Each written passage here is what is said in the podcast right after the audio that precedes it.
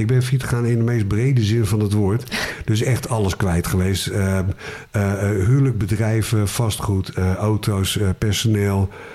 nou, de, noem het op en ik was het kwijt. Allemaal, fijn dat jullie weer luisteren naar een nieuwe podcast. Ik zit weer met een gast tegenover me. Deze gast is aangedragen door Anne Linde. Uh, misschien zegt die naam je wat, dat was mijn stagiair, want ondertussen is ze alweer klaar met haar stage. Maar wij zaten in de auto een keer te brainstormen van wie is nou leuk om te vragen voor de podcast. En toen zei ze, ik heb een hele leuke docent. En die past denk ik wel bij hetgeen wat jouw luisteraars ook heel erg leuk vinden. Dus Tom die zit tegenover mij. Wil jij jezelf kort even voorstellen? Want dan kunnen mensen alvast weten wat ze een beetje kunnen verwachten. Maar we gaan straks natuurlijk nog uitgebreid over alles hebben. Ja, helemaal prima. Nou, Verlina, allereerst hartstikke leuk dat ik hier ben. Maar ik ben Tom Wildeburg. Ik ben ehm, in het dagelijks leven een uh, aantal dingen, waaronder inderdaad docent marketing uh, op de hogeschool waar Anne Linde zit. Ik woon in Hilversum uh, met de liefde van mijn leven, die ik al 47 jaar ken. Drie meiden, de deur uit. Um, 54 jaar. Nog drie weken. ik vond het ook leuk, want toen jij hier dus net uh, terrein op kwam rijden... toen zat ik nog uh, plankjes onder zwaluwnestjes uh, te boren. Ja, ik zag je in het wild. ja, precies, want iemand was een half uur te, voer, te vroeg. Mm -hmm. um, toen stelde hij het ook echt zo voor, van dit is mijn vrouw, liefde van mijn leven. Ja, 47 jaar al. En dat, dat, dat is gewoon al jouw binnenkomer. Ja, nou ja, leuke bijzondere dingen ben ik ook wel een beetje gek op. Vandaar dat ik ook heel benieuwd was, wie is Verline hoor je eigenlijk? Nou, daar mag je ook dingen naar vragen. Maar in theorie gaat de podcast over jou. Maar we kunnen natuurlijk ook wel dingen aan elkaar vragen. Um, zoals je vertelde, onder andere ook docent. Maar je bent daarnaast nog een hele hoop meer volgens mij. Uh, ja. Um, ik ben een aantal dingen geweest. En um, uiteindelijk uh, ben ik eigenlijk alles kwijtgeraakt. En heb ik overnieuw moeten beginnen. En toen dacht ik, nou ja, ik kan één ding goed. Uh, dat is een beetje lekker eten maken. En ik heb vroeger een etaleursopleiding gehad. Dus als ik aardappel, groentevlees al een beetje fatsoenlijk in een bord leg... en daar een foto van maak, dan staat het al goed op Insta. Mm. En iedereen zei van, joh, ik kan zo zien dat je vrouw op vakantie is... want het lijkt wel 24 Kitchen. maar ik ging toch iets serieuzer doen. Maar uh, uh, ja, ik heb in het verleden... ik ben begonnen als advertentieverkoper... ooit bij de VNU, wat nu Sanema is... bij de Libelle, Magiet en nou, die bladen... Mm, okay in de direct marketing gezeten, altijd in de reclame willen zitten. Want ik heb ook een keer stage gelopen. En dat was toen bij een reclamebureau het alle reclame deed voor Heineken. En nou, de fantastische tijd.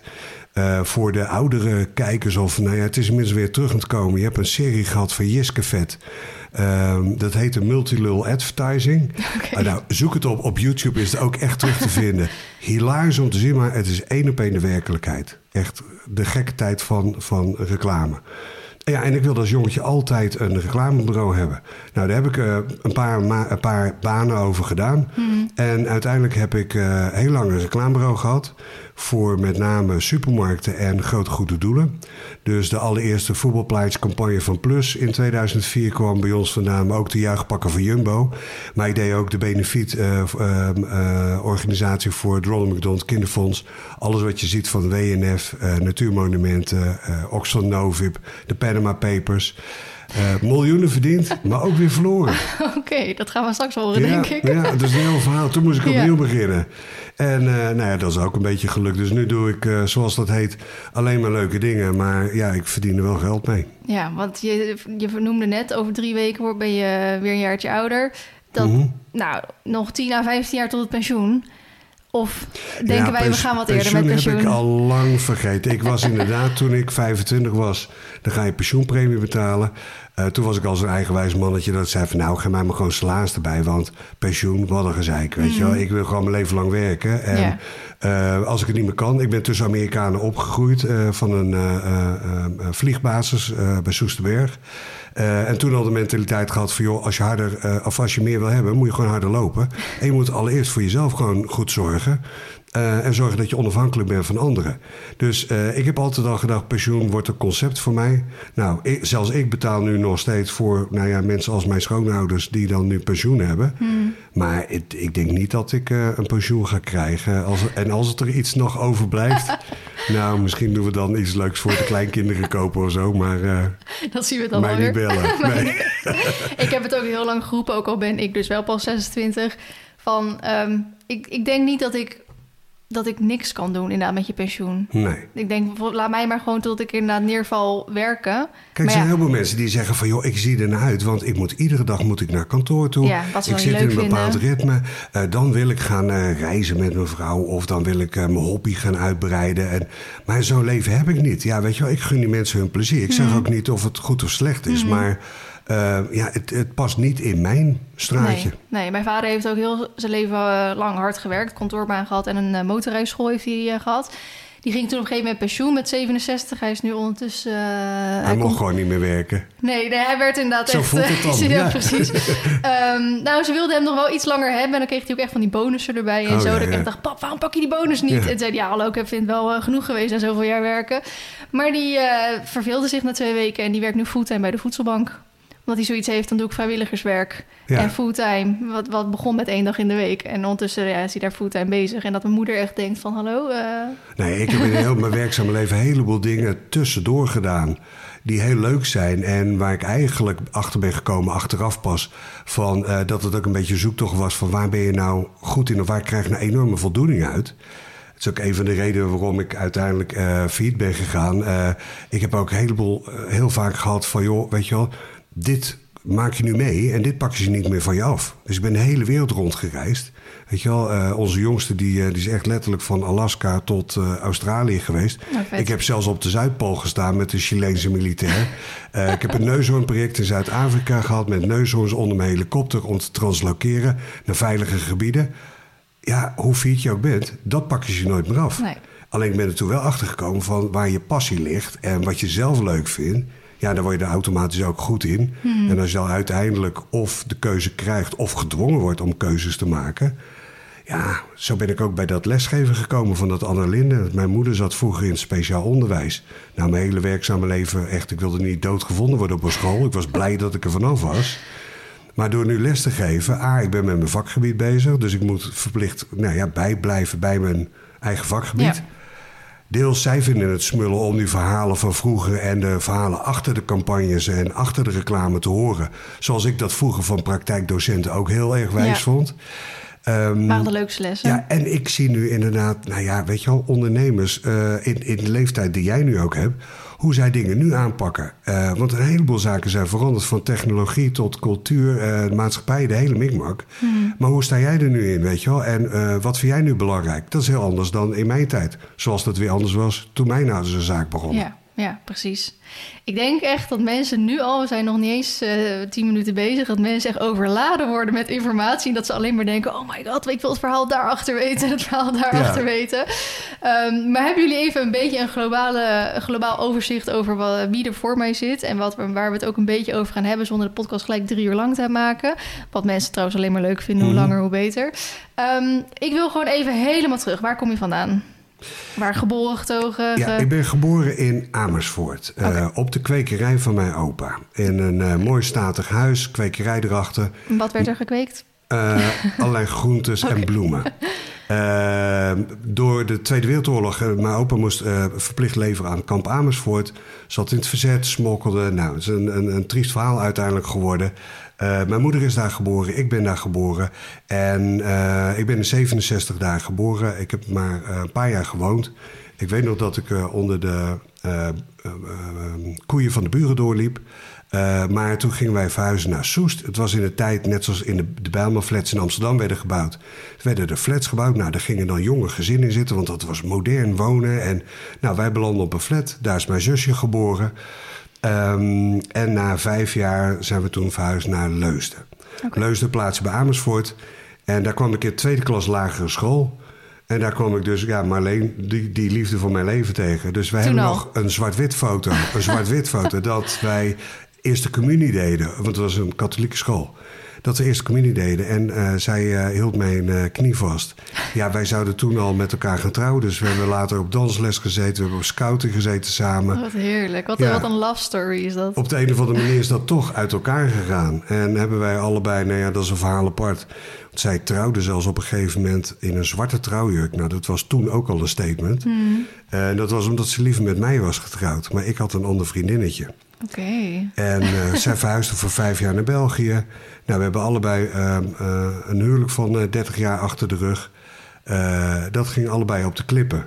En toen, ja, het, het is een soort modern sprookje, maar eh, elkaar tegengekomen.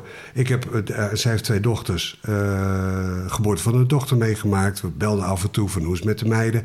Ik had zelf één dochter. Nou, alles eh, op de klippen gelopen. En eigenlijk afgesproken van, goh, weet je wel, zullen we even bijkletsen. Ik had een ongeluk gehad. We hadden elkaar jaren niet gesproken. Zij was inmiddels terugverhuisd naar Nederland. En ja, ik zie er op de parkeerplaats aanlopen. Nou, ik stond helemaal vast aan de grond genageld. We vielen elkaar in de armen.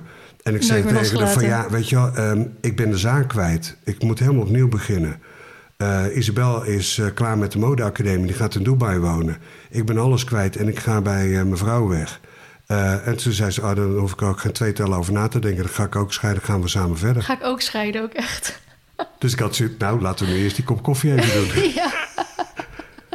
Niet te hard van stapel lopen. Dus ja, dat is mijn eh, privéleven, zeg Ja, maar. Eh, maar ik dat is inderdaad een heel ander interessant verhaal. Ja, ja, ja, nou ja, ik kan wel een paar boeken schrijven, maar inderdaad, Ja. ik heb privé ook bepaalde dingen meegemaakt dat je denkt van, wauw. Ja. Dat, eh, ik, bij, bij, de, bij Sanoma hebben ze wel eens verteld van Tom...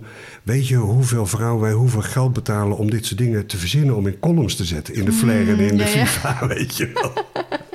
maar ja, ik heb gewoon een heel leuk leven gehad. Gewoon onbezorgde jeugd. Eh, vader was ehm, eh, eh, monteur in eh, elektronica. Wij woonden tegenover mensen van, van de baas. Een heleboel militairen. eh, Amerikanen. En mijn pa die kon met een vriend bij het NOB... kon die eh, videobanden van Amerikaans systeem naar het Nederlands systeem omzetten. Naar Philips en Sony. Dus ja, ik ben gewend om Amerika voetbalwedstrijden... en honkbalwedstrijden te kijken... met een box met Coca-Cola erin. Feestjes op de high school. En knipperende eh, eh, lichtjes met kerst. En Valentijnsdag. En dat was heel raar. want- En ik heb later zelfs de, voor die voetbalplaatjes bijvoorbeeld... ehm, ehm, de Eredivisie en zo, als, en Fox Sports als een van de grootste klanten gehad. Nou, ik weet nog steeds niet waar Cambuur voetbalt. Het interesseert me geen reet. Weet je, ik kreeg altijd kaartjes, gaf ik altijd weg aan Ja, ja. collega's en mensen bij ons op de zaak. Dus nee, ik weet niets van normaal voetbal. Maar eh, ik kom nu net weer uit Amerika. Ik heb daar toch stiekem toch een paar dingen van Amerika voetbal gekocht. Toch een beetje dat nostalgie zo dat erin ja, zit. ja. En wat heb jij voor, eh, voor opleiding gedaan? Oh, Is dat middelbare school, kan ik dat zo noemen? Ja, nou, middelbare school was ik buitengewoon goed in. Want ik heb daar een jaartje of acht over gedaan. Dus ik begon met eh, gymnasium, één jaar. Atheneum. eh, en toen ehm, had ik een soort van strijd met, met de sectie economie. Want ik wilde na drie jaar toch economie 1 en 2 doen. En de rector van de school... eh, die, die was erg op mijn hand. Die zegt, nou, als je dat in één zomervakantie kan inhalen... dan mag de sectie economie voor jou een, een, een eh, proefwerk maken. Als je daar voldoende voor hebt, dan mag je daar eindexamen mee doen. Nou, ik haalde met hakken over de sloot, haalde ik dat. En toen kreeg ik al van die sectie economie te horen van... nou, jij gaat nooit je VWO afmaken, al is het op economie 2. En nou, toen wilde ik al eigenlijk naar een etaleursopleiding in Utrecht. En daar had je genoeg aan je HAVO. Dus toen ben ik overgestapt. dus HAVO gedaan, toen naar de etaleursopleiding. In Maar, je, maar je had dus wel vanaf jongs af aan al de hersenen om zo'n gymnasium te doen. ja, ja, standaard stond er op mijn rapport altijd van... hij kan het best, Ja. hij moet het alleen nog even willen. Even willen, ja, precies. Ja. Maar liever zat je niet op dat niveau, dan deed je meer iets met je handen. Of met, met je... Vreselijk vond ik het school, echt waar. Ik was ook blij dat ik er inderdaad vanaf was. En toen ging ik naar de etaleursopleiding. En een oom van mij had een groot etalagebureau in Amsterdam. En dat was nog in de tijd van heel veel beurzen. De modebeurs en de Virato en de efficiëntiebeurs en zo. Ehm, En voor de mensen die even niet weten wat etaleur is, of etaleursopleiding. Ja, dat zijn, eh, nou, het heet nu visual merchandiser volgens mij nog steeds. Nou ja, je had vroeger natuurlijk veel meer alleen maar, alleen maar offline winkels, maar winkels met etalages. Dus je had doorgaans twee soorten etaleurs. Eh, de etaleurs die meer de, de kunstkant op gingen. Dus die dan de Sinterklaas-etalage bij de Bijenkorf op de Dam in Amsterdam Oh, maakten. Nou, Ja. echt, daar liepen mensen vooruit. Er kwam het journaal langs en zo. En je had eh etaleurs die in dienst waren van ehm eh, retailketens. Dus hij, Herenmode of Wie, wat het nu is. eh, die had een heel etaleursteam eh, in dienst. Hmm. Ik wist dat niet eens, dat, Of de dat, V&D. dat zoiets bestond. Ik dacht, dat doen die mensen uit die winkel gewoon zelf. Ja. Gewoon die Nee, etalages nee, nee. inrichten. Nee, ik heb ook een half jaar bij Vrome Dreesman in Utrecht... eh, eh, op Hoog Katerijn heb ik stage gelopen. En dan moest ik dus van, ja, van de parfumerieafdeling tot kindermode... tot snoepgoed, eh, moest je dus eh, etaleren. En dat was echt een heel team. Wat grappig. Alleen mijn tweede stage was zes maanden bij dat reclamebureau, wat ik al zei. En toen had ik echt zoiets van... oh, dit is waarom ik altijd de reclames leuker vind... dan de programma's tussendoor op tv. Oh, echt, ja? Ja, je en- dat al op? Ja, nou, en ik kwam eraan. Ik had echt zoiets van... wauw, wat een crazy wereld is dit. Maar wat deed jij dan als etaleur bij een reclamebureau? Nou, op, op die opleiding eh, hadden ze een kant etaleren en een kant reclame. Dus nou ja, de geschiedenis herhaalde zich, net zoals dat, dat economieverhaal. Eh, ik had dus het laatste jaar, ik ga gewoon de reclame in. Weet je, wel, rot op met het etaleren. Dan kan ik later geen zwembad van achter in de tuin betalen. Ik ben waarschijnlijk voor mijn dertigste door mijn rug heen. Weet je wel, ga, hem niet worden. Dus nou, en daar gingen zij wel wat makkelijker mee om. Dus toen heb ik eh, nog heel snel inderdaad een aantal meer economische vakken gedaan. Eh, en toen zou ik beginnen bij dat reclamebureau. Maar had je dan ook het idee vanaf vroeger, omdat je zegt... ik wil dat zwembad hebben, dat je iets wilde doen wat je rijk zou maken? Of wilde je iets doen wat je leuk vond? Of het liefst Nou, natuurlijk allebei? Het was wel een beetje van beide. Ik heb, ik heb nou ja, ook echt later ook mijn leven lang eigenlijk te horen gekregen van... Ik heb veel familie in het buitenland zitten over de hele wereld. En nou ja, veel vrienden en kennissen in, in Amerika. Ik heb later ook vanuit de reclame veel zaken gedaan met mensen in New York. Of eh, weet je wel, eh, merken eh, die, die vanuit of Los Angeles of New York opereerden. Eh, maar ik heb altijd doorgekregen van Tom, ja, weet je, je bent veel te Nederlands om Amerikaan te zijn. Maar mijn, maar mijn hemel, je bent echt veel te Amerikaans om Nederlander te zijn. Weet je dus, en ehm, het, ik heb ook altijd die mentaliteit, heb ik gewoon goed gevonden. Eh, eh, terwijl, weet je wel, nou ja, mensen lopen wel eens te piepen over Nederland. We hebben het hier buiten gewoon goed natuurlijk. En in Amerika, ja, ik kom er net weer vandaan. Ik, ik blijf me verbazen over dat kinderen op school gewoon oefeningen krijgen hoe om te gaan met een school shooting. Omdat Oh, een ja. shooting op school Heel normaal daar is. nou ja, tien keer vaker voorkomt er brand op school. Je, ja, ik, ja. ik ben gewend van oké, dat die kindertjes eh, een oefening krijgen van wat doe je als de brand uitbreekt.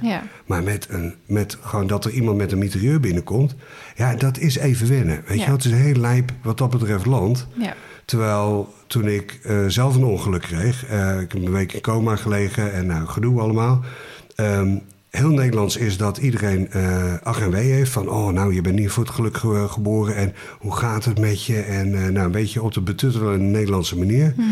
Eh, overigens ook met toen ik failliet ging uiteindelijk. Terwijl Amerikanen allemaal zoiets hebben van... oké, Tom, één ding, never give up. Weet je wel? Harde knokken, vecht ervoor, weet je wel. Je kan het. Totaal andere Ja, invalshoek. Ja, ja, En daar ben ik wel meer van, ja. Ja, precies. Dus dat Ik je... ben altijd zacht wanneer het kan. Ik ben buitengewoon grappig en vriendelijk en lief en zorgzaam. Maar wel hard als het moet. Komt Ja. dat dan door die soldaten, die Amerikaanse soldaten, dat je dat ergens hebt meegekregen? Of Nou ja, ik heb er wel een redelijk ehm, eh, gevoel voor, voor rechtvaardigheid doorgekregen. Van ehm, eh, ook duidelijk keuzes kunnen maken. En niet, weet je, ik ben ook nooit een beetje van dat Nederlandse polderen geweest. Wij zijn hier briljant in als, als, als je 100 mensen vraagt rood of blauw. En 99 mensen zeggen blauw en eentje zegt rood. Dan gaan we toch een soort paars maken. Zodat we tegen die 99 mensen kunnen zeggen... nou, dat is mooi, mooi, mooi bijzonder blauw. En tegen die ene rode kunnen zeggen... nou, we hebben toch een beetje rekening met jou gehouden. Terwijl in Amerika zullen zeggen... nou, ja, het is blauw geworden. En ja, die ene rood, ja, succes de volgende keer. Maar ja, 99 blauw en één rood, ja, we gaan toch voor blauw. Dat is toch anders. ja, ik vind het een grappig voorbeeld, maar ik denk dat iedereen hem wel snapt. Ja, nou ja. Dus het is niet heel, het is niet heel zwart-wit, weet je. Ja, ik ben de laatste ja. die zegt van je kan ook niet een beetje zwanger worden. Het is, het is A of B, zeker in deze tijd. Mhm. Weet je, alles polariseert al. Je moet nu voor iets zijn of tegen iets zijn. De, alle nuance is weg. Mhm. Maar ik vind dat we de Nederlandse mentaliteit, weet je wel, we zitten heel vaak, willen we of de andere kant op kijken of eh, met de mantel der, nou in dit geval paardenliefde bedekken. Eh, dat ik denk, ja jongens, maar je mag ook wel ergens voor staan. Ja. Je moet elkaar helpen, maar je moet ook een keer je vuist op tafel durven te slaan en zeggen van jongens, we gaan het zo doen. Ja, ja, goeie. En ehm, je hebt toen de stage gelopen op dat reclamebureau. Om weer Ja. even terug naar eh, Ja, de chronologische ja, volgorde te gaan. Ik vind het alleen maar leuker als we side stories hebben. Ja, ja ik, ga het proberen te vermijden, Verlie, want Nee, al- anders mag. moeten we er een serie van maken. ik denk dat we gaan we een deel 2 maken ergens een keer volgend jaar. Ehm, jij hebt toen eh, reclame, de reclame gelopen, stage gelopen bij een reclamebedrijf. Wat, voor, wat maakte die of wat, wat gaf jou die touch van wat je dacht, nou, dat wil ik echt gaan doen? Nou, sowieso mocht ik op de verschillende afdelingen allemaal stage lopen. Dus dat varieerde van de studio tot eh, de account executives. eh, en van radio en televisie tot, tot nou ja, artwork. Eh, dus ik zag ook alle verschillende facetten van reclame. En heeft dat dan ook bijgedragen aan dat, dat bedrijf... Sorry dat ik je dus onderbreek, Mhm. maar dat, ehm, dat jij als stagiair... wat vaak, hè, daar hebben we het net of, Ja. eh, of, of eh, microfoon even over gehad... dat een stagiair soms als, als goedkope hulp wordt gezien... als gratis hulp, als Ja. koffie halen of wat dan ook. Dat jij binnen dat bedrijf echt veel mocht gaan doen. Dat, dat je daardoor dan misschien die passie... of dat je meer Nou, het voelde was, erbij... Het was, meer, het was meer de goede balans. Ehm, het was in eh, de nou ja, tachtige jaren dat ik daar kwam. Nou, toen had je gewoon, je bent of alternatief, je luistert naar The Cure... of je bent een kakker, je luistert naar eh, Duran Duran. Nou, die laatste was ik dus. dus op de studio zaten allemaal mensen nou, gewoon die er heel casual gekleed bij liepen. Ik kwam met een koffertje binnen en ik had een stropdas om. Met een daspeld, vreselijk als je het nu ziet. Maar ik was gewoon zo'n kakker. Nou, dat vonden ze allemaal geweldig. Bij mijn afscheid kreeg ik ook allemaal uit piepschuim gemaakte stropdassen... die iedereen had versierd of dingen had opgeschreven... voor de stagiair met de stropdas. Oh ja. Dus je moet je e- even, even laten zien dat je er bent. Of even. Nou, Nou, ja. ja. dat je anders bent dan anderen of zo. Dat je echt even Ja, laat zeker zien. in die tijd was iedereen gewend van... oh, maar als iedereen hier met, eh, weet ik het, eh, kort praktisch aan rondloopt... dan moet ik dat ook gaan doen. Mhm. Weet je, of als het allemaal kakkers zijn... nou, dan moet ik maar ook maar, maar even zo gaan praten en eh, me zo gaan... Want Ja. Mhm. dan pas ik daartussen. En ik kwam daar erachter van... nou ja, deels qua vak hoe divers reclame is... Daar heb je echt absolute nerds in zitten. Kunstzinnige gasten, celebrities. Nou, echt alles rijpe groen komt, eh, komt ervoor. Heel creatief. Maar wel keihard zakelijk. Want als jouw concurrent het beter doet... al heb je tien jaar voor die klant gewerkt... ben je toch je klant kwijt. Dus dat, dat sprak me wel aan. Eh, maar ook de mensen, hoe mensen met elkaar omgaan. En dat is denk ik in media en in creatieve beroepen... toch anders dan dat je bij een heel hiërarchisch feodaal bedrijf werkt... als een bank of een verzekeraar of een overheidsinstelling. Ja. ja. Een vriendin van mij die werkt bij Viaplay. Bij eh, de Formule 1. Ja. En daar hoor ik ook altijd wel ook positieve verhalen natuurlijk van. Maar ook eh, wel verhalen van... Oh, dat is even wennen als Ja. je in zo'n eh, zo'n Nee, bedrijf binnenkomt Nee, stappen. klopt. En ik heb, nou ja, ik heb toen daar stage gelopen. Ik heb een heleboel dingen bij toen ik mijn eigen bureau had, heb ik gewoon toegepast. Die gewoon daartoe te herleiden waren. Dat ik echt had van ja, maar ik vond het ook een fantastische tijd. Dus ja, ik liet mensen, oh, stagiairs ook niet een fake campagne maken of Mhm. eh, koffie halen en de telefoon opnemen. Nee, die moesten gewoon aan echte campagnes werken. Ja. Dus ik ging ze ook gewoon stiekem meer betalen. En weet je wel, ze, ze deden ook mee, ze mochten ook mee naar uitjes. En, eh, maar ja, ik had er wel zoiets van, joh, we gaan nou, dit is voor ons wat lastiger, want wij gaan jou ook begeleiden. Maar daar verwacht ik ook wel een mentaliteit voor terug. Dat jij ook inderdaad, zoals ik destijds, door de supermarkt heen liep. En dat met de eerste campagnes dat we voor eh kratten bier die kartonnen inlegvellen hadden. Mhm. Nou, ik liep zo wijs door die supermarkt alsof het mijn eigen campagne was. Maar wel zo van, ik heb er aan meegeholpen. En wat mensen niet wisten, is dat wij loodsen bij Nieuw-Vennep hebben moeten huren. Omdat we hadden gezegd, maak een liefdesbetuiging voor dit merk bier. Dat ze alles gingen insturen. We dachten, joh, er komen een paar tekeningen en wat rijmpjes. Nou, we kregen beelden binnen, hele maquettes. En nou, dat liep volledig uit de hand. Maar ja, ik liep wel in de supermarkt zo van, hallo, het is wel mijn campagne. Hè? Ja, heb, ik ermee heb, heb ik aan gewerkt. Ja, maar dat is ook het mooie eraan, toch? Dat vind ik, als, als een stagiair zo weggaat bij Ja. een bedrijf, weet je wel, ja. Ja. dat is het beste wat je kan hebben. Ja, of dat hij ook in zijn vrije tijd mee gaat denken over van... oh, die heeft het zo gedaan, of die heeft het zo gedaan. Of misschien is dat iets, misschien is dat iets. Dat je niet in, dat je je hoofd toch een beetje door blijft gaan als je uit hebt geklopt. Nee, degene die van 9 tot 5 zijn stage invult en om 10 voor 5 zijn jas gaat eh, zoeken, Die niet... eh, die is niet gelukkig, maar daar kan het bedrijf zelf ook niet, niks aan hebben, weet je wel. ja, goeie.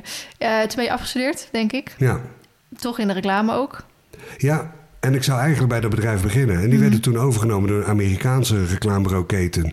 En die had een personeelstop voor een jaar. Oh, En toen had mijn moeder, eh, want ik woonde in Leusden, had mijn moeder een advertentie uit de krant eh, geknipt. En dat was dus bij de VNU, die voorloper van Sanoma. En dan zochten ze een advertentieverkoper. Nou, dat was bij de computerbladen en eh, nou ja, intermedia en computable. Het was in de tijd dat op iedere hoek van de straat was een computerwinkel. Dus nou, je kon echt met twee vingers in je neus kon je gewoon eh, advertenties verkopen. En ze vochten elkaar de tent uit voor een goed plekje in die bladen. Dus, eh, en oh ja, ik kreeg een auto van de zaak en Oh, een telefoon. Een telefoon van de zaak. Nou, dat was een telefoon. Was ja, het al iets in die tijd? Ja, nou, was dat iets? Niet normaal. Je kon echt, eh, dat was geloof ik nog net voor de keur met telefoons. Dan moest je bij bepaalde eh, parkeerplaatsen stond dan een zendmast en daar had je dan bereik. Moest je een antennetje uittrekken om dan te gaan bellen. Ja, ja. Maar ja, joh, ik was begin twintig. Ik had een, ik had een auto, Auto, van de zaak en een telefoon. Nou, dan ben je echt... mannetje. Ja, dan ben je het helemaal de man. En toen heb je daar, hoe lang heb je dat gedaan? Nou, ik heb, eh, ik heb daar een paar jaar gezeten. Toen ben ik voor een Zwitsers eh, bedrijf eh, gaan werken, Publicitas. Toen ben ik teruggekomen bij de VNU. Toen heb ik de Amerikaanse vertegenwoordiging gedaan. Want een heleboel campagnes werden gelaagd uitgezet. Dus Hewlett Packard in Amsterdam of in Amstelveen... die deden de Nederlandse campagnes. Eh, in Engeland deed Hewlett Packard dan de Europese campagnes. Maar in eh, San Francisco de wereldwijde campagnes. Nou, we hadden kantoren zitten, verkoopkantoren eh, over de hele wereld. Dus ook in Indonesië, ehm, eh, in Taiwan was toen enorm in opkomst. Maar ook in San Francisco. Ja, en nou ja, net zoals die auto van net. Ik vond het natuurlijk wel eh, helemaal het mannetje als ik mocht vliegen naar San Francisco voor de zaak. Ja. Toen was vliegen nog iets, iets leuks, weet je wel. Dan ging je ook netjes aankleden als je naar Schiphol ging. Oh ja, ja. Dat was echt wel een ding. ja. Eh, het was in de tijd dat internet net opkwam. Dus dan had je floppies eh, die je kreeg en dan kon je toegang krijgen tot internet. Ja, joh, daar ging een wereld voor me open. Dus ik heb toen een maand in San Francisco bijvoorbeeld gezeten. Ja, tijd voor mijn leven gehad. En ik ging gewoon over stomme advertenties. Dus ik had echt zoiets, nou die reclame, dat is leuk. Maar fantastisch is dit, joh. ja. Dus Ja. nou, dat, dat eh, ja, een paar jaar gedaan. Toen gingen een aantal mensen van ehm, eh, de VNU naar eh, PTT Post, wat nu PostNL is. En die gingen alle commerciële onderdelen van Post gingen ze meer opzetten.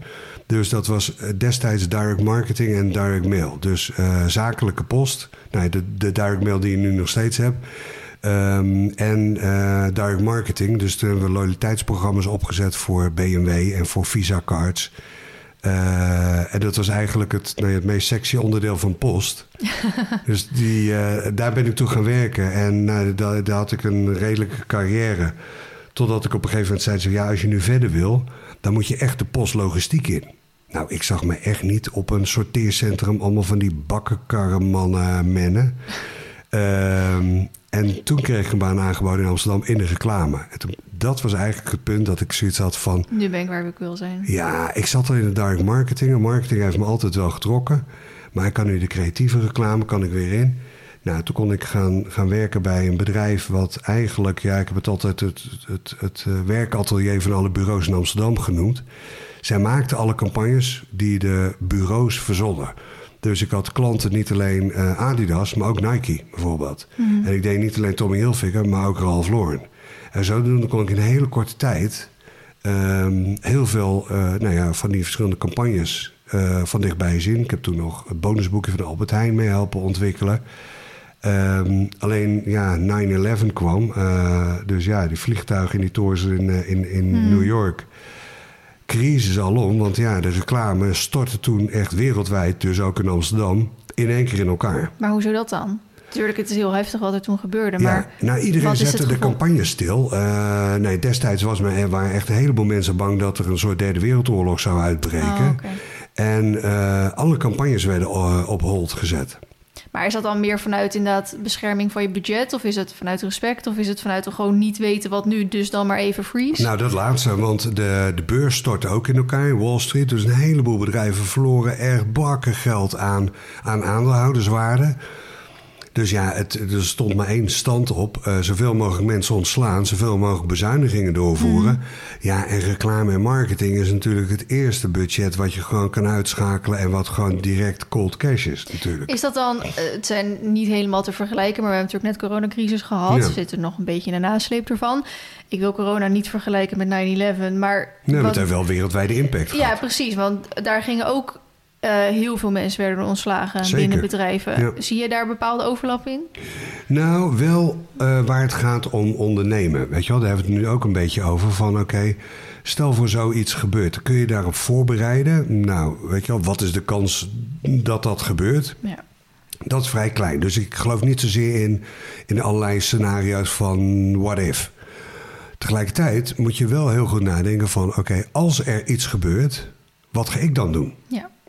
Weet je wel, hetzelfde als wat ik zei van nou, faillissement van een bedrijf. Ja, je kan eh, de hele dag zitten piepen van hoe onrechtvaardig je dat vond of hoe het is gebeurd of wat dan ook. Maar ik dacht nog van joh, ik moet denk ik denk nog zo'n 30 kerstbomen werken.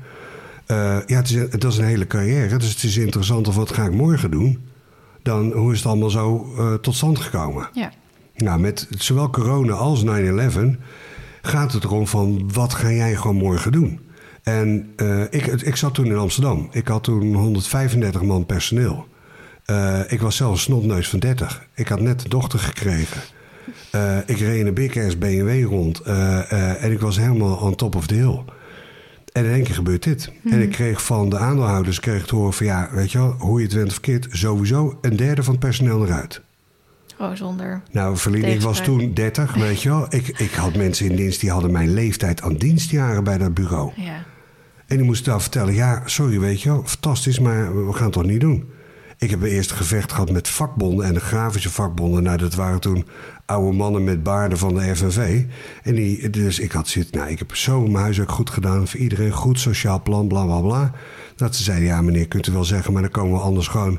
Wij vinden het niet goed genoeg. Dan komen we gewoon anders met eh, werknemers van andere bedrijven uw bedrijf bezetten. Nou, toen had ik echt zoiets met, met mijn collega-directeur van... ik denk dat jij dit verder moet doen. Ik trek zo meteen een van die baarden over tafel. Dat wil je niet weten. Zo onrechtvaardig vond ik dat. Terwijl ik mensen had die stonden gewoon te janken van... waarom eh, eh, moet ik eruit? Want een jonger iemand die heeft net, eh, is net getrouwd, net een huis gekocht. Weet je, en die is gegarandeerd werkeloos. Ja. Kan ik niet met hem ruilen, weet je wel? Dus ja, en toen wel toestanden zien wat voor impact dat kan hebben. Ja. Eh, maar ik ben toen ook, tegelijkertijd begonnen van jongens, als wij Tommy Hilfiger en Ralph Lauren in Europa kunnen doen. Ja, waarom, waar, en die vijver, die is nu leeg, waar maken we dan de vijver niet groter?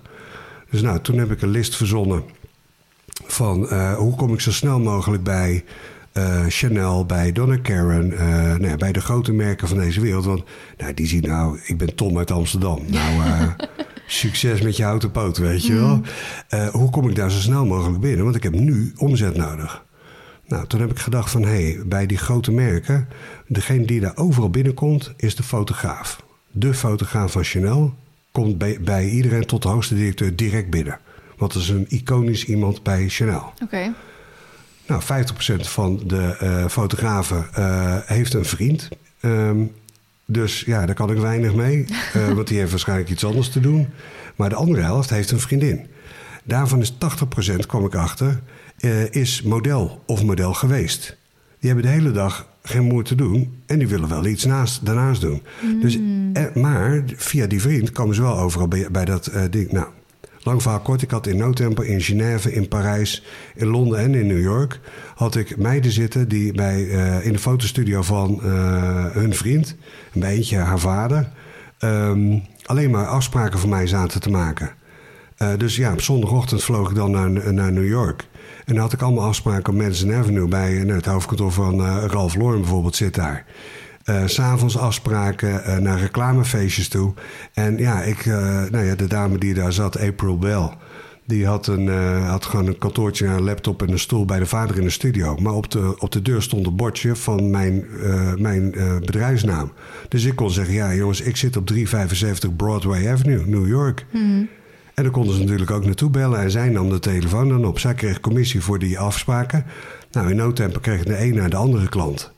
En een van de eerste klanten was Tupperware wereldwijd. Nou, die plastic bakjes. Ja, kent iedereen.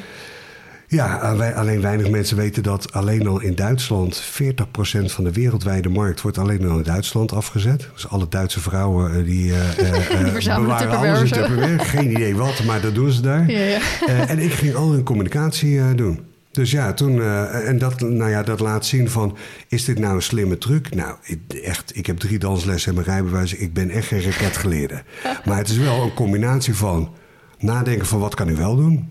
En hoe ga ik ermee om? En wie heb je daarvoor nodig? En de, en de sprong wagen. Je moet het ook doen. Ja.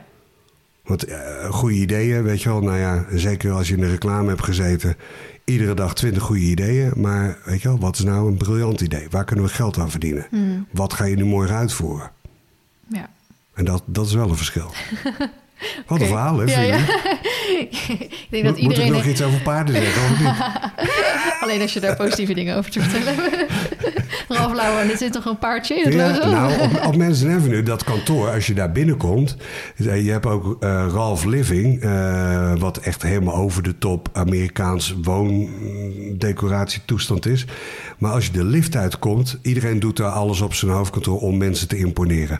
Als je de lift uitkomt, sta je oog in oog met die, dat polo paard en die ruiten daarop, life size van Ralph Lauren. Dus als je daar nog nooit bent geweest... En de liftdeur gaan open, heb je echt zoiets van wow. Ja, ja. Je staat oog in oog met zo'n polopaard. Oh, En ik ben bij een polowedstrijd eh, op het ijs geweest in St. Moritz. Het ijs. Ja, dat is de enige wedstrijd, polowedstrijd met polopaardjes Heftig. op het ijs. Oké. was het laatste jaar van eh, Club Met, geloof ik, dat ze daar dat eh, hadden. Eh, en dat was per ongeluk, omdat wij daar waren. Was die polowedstrijd. Nou, er wordt Prins Charles ingevlogen. Alleen maar de rich en famous komen daar. Met hun teams. Dus ook Argentijns team met polopaarden. Die polopaarden hebben dan een soort, eh, hoe noem je dat, spikes om Ja. hun hoeven. Ja, klopt. Eh, nou ja, het is koud daar natuurlijk. Alleen, het is een open evenement, dus je kan daar zo naartoe. Dus nou ja, sigaren en caviar, nou ja, de, nog erger dan de paardenwereld hier zou ik bijna zeggen. maar die polopaardjes op het ijs, die kleine paardjes, die zo niet te hard. eh, eh, nou, ik had nog nooit zoiets gezien. Nee, ik ben ook heel benieuwd hoe dat gaat inderdaad. Ja, Ja, want normaal op het gras kan je ook wel stiften, kalkoenen, spijkers, hoe je ze ook wil noemen, kan je draaien. Maar dan glijdt dat altijd nog een beetje. Ja. Dat is ook goed voor die benen. nee, hier ligt wel sneeuw op. De, want het is niet spiegelglad ijs, weet je. Het is, het is, het is niet een, eh, een schaatsbaan.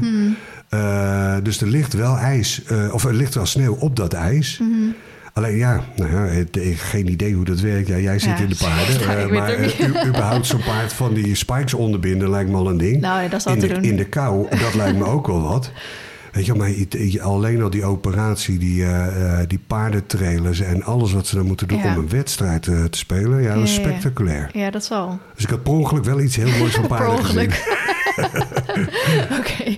Eh, nou goed, toen had je dus om weer terug naar het verhaal te gaan. Ehm, die mensen allemaal voor je werken. Toen kwam het geld weer binnen.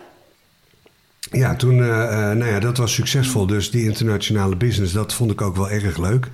Ehm, die aandeel, wat ik al zei van die aandeelhouders, die, die eh, mij dus eerst die eerste ontslagronde moesten laten doen. die hadden heel veel andere bedrijven en dat waren allemaal drukkerijen. Alleen, ik stond dus in Amsterdam de nieuwe miljoenen naar binnen te gooien. Alleen dat ging er in veelvoud bij die drukkerijen weer uit. Oké. En daar stonden ze financieel gewoon tot hun knieën in het bloed. Dus die hele groep van bedrijven, dat ging steeds slechter. Nou, toen was er iemand die, die ik kende in, ehm, in Leusden, waar ik, waar ik woonde. Eh, die zei van, joh, ze zoeken hier bij een reclamebureautje een ehm, commercieel directeur. En ik had echt gezegd, nou, nog nooit van het bureautje gehoord. Nou, het bestaat al 17 jaar. Ik zei, nou, ik ken het niet. Nou, ze doen alles voor C1000, ehm, eh, voor Schuitema. Bestaat inmiddels ook niet, maar... En eh, voor eh, DA, drogisterij. En de roompotvakanties. Ik denk, nou, wat raar, ik heb er nooit van gehoord. Nou, dus ik daar kijken. Nou, het was gewoon een bedrijfje met een mannetje of tien. En die deden iedere dag mooi werk. En eh daar deden ze een strik omheen. En dan gaven ze dan weer af bij de opdrachtgever. In de hoop dat ze de volgende keer weer aan hun zouden denken. Dacht ik, Ja, wat een raar bedrijf is dit. Heel gezond, weet je, alles zelf betalen. En, eh, maar daar had nog nooit iemand van gehoord. Nou, de, de twee eigenaren daarvan, ehm, die zeiden ja, we, we willen het uiteindelijk gaan verkopen. We zoeken een, een, een opvolger. Eh, maar ook iemand die, die hier de lamellen opentrekt en de stof er vanaf blaast. Ja, En hier een echt bureau van kan maken. Daar zag je wel wat in. Nou ja, ik stond handig. Ik wilde altijd een eigen bureau hebben natuurlijk. En ehm, nou ja, dat, dat is dus bij deze gelukt. Dus ik, heb daar, eh, eh, ik ben daar na- naartoe gegaan. Ik heb focus aangebracht eh, bij het bedrijf wat ze hadden. Nou, echt honderd klanten geloof ik. Dus daarin gaan snoeien. Ik heb daar... eh, ik hou wel een beetje van woordspelletjes, maar ik heb daar ook een, een paar woorden verzonnen. Waaronder het ontkoppelingsgesprek. Dus ik kwam bij een hele grote klant, een eh, Nederlandse grootste uitzendbureau keten. Maar daar konden we alleen maar de lastige, moeilijke klusjes doen voor het liefst niks. Dus toen heb ik inderdaad gezegd van nou, beste meneer eh, directeur, wij gaan een ontkoppelingsgesprek voeren. Zegt van, je gaat niet zeggen dat jullie niet meer voor ons gaan werken. Als je dat waagt, dat heeft nog nooit iemand ge, geleft. Zeg, nou, dan ben ik bij deze de eerste. We gaan dat toch doen. Kan je wel een ander bureautje aan de, eh, aan de hand helpen, maar weet je, wij gaan dit niet meer doen. Dus nou, gesnoeid, focus aangebracht. En toen inderdaad gezegd van... ehm, Was dat ook nodig? Als in heeft dat gewerkt? Ja. Heeft dat weer naar het next level gebracht? Zeker, ja, ze konden ook gewoon niet doorgaan. En ze deden het wel goed. Maar weet je wel, meer dan de zes min zat er gewoon niet in. Ja. En ehm, dus ja, hoe moet je dan groeien? Weet je, Mhm. meer van hetzelfde doen, dan krijg je ook hetzelfde wat je altijd kreeg. Ja. Dus dat, dat schoot niet op. Dus ik heb inderdaad toen gezegd van oké, duurzaamheid was toen nog een luxe ding. Ik had zoiets van nou, weet je wel, je hebt goede en slechte bedrijven. Zometeen wordt duurzaamheid, dat wordt echt de meetlat. En hoe duurzaam je bent als bedrijf, hoe beter. En destijds was het nog van hoe groter het bedrijf is, des te beter. Dus als ik maar veel kantoor heb en wereldwijd zit, bla bla bla. Ja. Dan ben ik gewoon groter dan zo'n klein neutelbedrijfje op de hoek. Dus ik heb toen gezegd van oké, weet je wel, er zijn twee dingen die we ons leven lang zouden hebben. Dat is namelijk, we zullen altijd moeten eten, dus naar een supermarkt moeten. Dus retail zal altijd blijven winkelen in de supermarkt. En goede doelen, liefdadigheid, dat zal altijd eh, eh, gaan. Nou, ik had veel Amerika-ervaring. De goede doelenbusiness in Amerika is echt een hele grote business. Eh, hier stond het nog een beetje van nou ja, goede bedoelingen aan elkaar. Weet je wel, geld verdienen en een goed doel dat was toch een beetje een, Ja. een, een vies woordcombinatie. En die supermarkten die moesten gaan verduurzamen. Maar die hadden zoiets van, ja, er, ga- er gaat geen consument meer betalen voor een duurzame aardbei. Ik moet de goedkoopste zijn. Dus die zaten alleen maar in een race naar beneden. Ja. Dus hoe ga ik die toegevoegde waarde vertalen naar klanten? Ja. Nou, dus een ogenschijnlijk rare combinatie supermarkten en goede doelen. Ja, bleek gewoon een gouden greep te zijn. Ook naar nieuwe klanten toe. Weet je wel, nou ja, weet de kassa liegt nooit. Dus nou ja, aantoonbare successen. Ehm, kon ik ook makkelijk zeggen van ja jongens, weet je, wij moeten met die supermarkten iedere dag op het randje van de euro de strijd zien te winnen. Terwijl aan de andere kant, we zijn het meest duurzame en, en, en eerlijke en transparante bedrijf ter wereld. Want als ik niet mijn hart op de goede plek heb, kom ik bij geen enkel goed doel meer naar binnen. Ja, inderdaad. Dus eh, alleen dat moet je wel waarmaken. Dus ik heb ook campagnes verloren. Er zijn omkoopschandalen geweest. Eh, eh, nou, op een gegeven moment had ik nou ja, met die, die voetbalplaatje business, nou, het wordt vandaag de dag nog gekopieerd. Ja, had ik op een gegeven moment zoiets van, joh, weet je wel, ik ga niet meer in die spiegel- en kralenbusiness zitten. Want of ik moet in die arena meedoen. En ik moet ook dito dingen gaan doen die ik gewoon niet wilde. Of ik moet daar gewoon me niet mee bezighouden. Dan moet ik gewoon andere arena's kiezen. Dus ja, zo is het wel continu eh, keuzes maken. Wat je wel doet en wat je niet doet. En tegelijkertijd, ja, weet je wel, dat eh, eh, met het aanvraag van mijn faillissement, wat overigens door een chantage kwam en nou ja, een heel apart verhaal. Ik ben namelijk de eerste die zegt van als er drie jaar lang alleen maar geld bij moet, van joh, dat houdt een keer op. Ja. Maar chanteren en dat een bankje in de, in de steek laat, nou, die had ik ook niet kunnen verzinnen, terwijl ik toch redelijk creatief ben. Maar goed, de conclusie van de rechter was ook van, nou, meneer, u heeft buitengewoon goed voor uw klanten gezorgd, ook voor uw leveranciers en uw personeel. Ik heb nog nooit iemand gehad die eh, als grootste probleem afgelopen jaar had, nemen we de partners wel of niet mee naar Dubai tijdens het jaarlijks uitje. Eh, ik betaalde, bleek ook achteraf, ik geloof meer dan 20% meer dan het marktgemiddelde aan mijn personeel. Maar ja, ik had ook nog nooit iemand betrapt op het van 9 tot 5 willen werken. Dus ja, weet je wel, dat. Ze Maar wij waren wel het best bewaarde geheim in Nederland. Het bestond eh 35 jaar. En we zaten in een eh, boerderij, een eh, verbouwde boerderij die we gered hadden van de ondergang. En nou, bij klanten kon ik altijd zeggen van, goh, noem eens drie bureaus op. En noemen ze drie namen in Amsterdam op. Ik zeg, noem eens één klant van ze op. Geen idee. En bij ons zei ze, ja, maar ik heb nog nooit van, van Graphic gehoord. Wie is dat? Mm, begon ik werk op te noemen. Ken je de Panama Papers van Oxford Novib? Ken je de juichpakken van Jumbo? En, nou, al het werk wat we deden kende iedereen. Ik zei, nou, zo heb ik het ook het liefst. Ja. Laat mij maar best bewaarde geheim zijn. Oh, ja. Wel goed, inderdaad. Gewoon Ja, je werk, je jouw werk goed doen. Ja, jouw werk goed doen op de achtergrond. En laat het product maar voor zich spreken. Ja, nou ja, vandaar dat ik bij jou benieuwd was. Van, jij, hebt, je hebt een buitengewoon goed beluisterde podcast. Wat is er dan zo bijzonder aan jou? Weet je iedereen kan een podcast... Sterker ik maak nu voor DA ook podcastshows. Half tv, half Je wel een eh, goede podcast. podcaststem. Dankjewel. Kijk, en dat ongeluk, daar ben ik één stemband kwijtgeraakt. Oké. Dit is maar één stemband. Ja. Ja, dus maar goed. eh, nee, maar ook podcast, weet je. En dat is hetzelfde voor je werk of ook de paardenbusiness. Eh, passie is, is, is iets onbetaalbaars. Alleen je moet het wel goed mennen, om maar even zo te zeggen. Ja. Eh, dan kun je er geld mee verdienen. Dan kun je andere mensen enthousiast maken. En dan kun je zelf ook dingen bereiken. Die anderen misschien zoiets hebben van... Oh, wauw, jij hebt ook altijd mazzel. Nee, ik werk er ook keihard voor. Alleen ik geniet er ook wel van, ja. Ja, dat zal het dus in mijn wereld dan. Mensen zien dan, oh, het- ik ben altijd heel erg open en eerlijk in, eh, in de podcast, in de video's en alles. En dan zien ze het geld wat binnenkomt. En de mooie campagnes die ik nu draai en de, het huis wat we hebben mogen kopen en de auto die ik net heb gekocht. En dan denk ik, ja, maar ik heb dit eerst zeven jaar lang gedaan Ja. zonder er maar een cent mee te verdienen. Gewoon vanaf mijn, hoe oud was ik, twaalf, twaalfde, zoiets, heb ik eh, YouTube-filmpjes gemaakt om voor de passie vanuit de hobby. Ja, En dat eh, door blijven zetten tot je dan denkt, oh, je kan er ook geld mee verdienen. En zo is dat dan. ja maar eh, dat verhaal achter die schermen, dat zien de mensen niet. En soms willen ze het ook niet zien. Of het is heel makkelijk om natuurlijk gewoon een heel snelle mening te hebben van... oh, je hebt altijd mazzel. Of oh, je zal wel een rijke vader of moeder hebben en, en dat soort dingen. was maar zo. Terwijl ze iets zeggen van ja, maar jongens, weet je, jullie weten helemaal niet wat eh, daarachter schuil gaat. Ja. Of wat de keerzijde is. Ja. Ik ben ook altijd veel te goed en veel te eerlijk geweest. Weet je, wel. daarmee A, kan ik mezelf iedere dag recht in de spiegel aankijken. Ik heb er nooit een nacht wakker van gelegen. Ja. Ehm, maar daardoor ben je wel kwetsbaarder. Ja. En ja, er zijn een heleboel gasten inderdaad die ook van mij zakelijk of privé misbruik hebben gemaakt. Waarvan ik alleen maar denk van ja, weet je wel, aan het eind van de dag... ik ben zo blij dat ik niet ben zoals jij bent, Mhm. maar dat ik mezelf ben. En dan ga ik gewoon verder, weet je wel. Dan steek ik wel mijn tijd, geld en moeite in andere mensen die dat Ja. wel waarderen. Ja. En gelukkig zijn er steeds meer mensen die dat zien.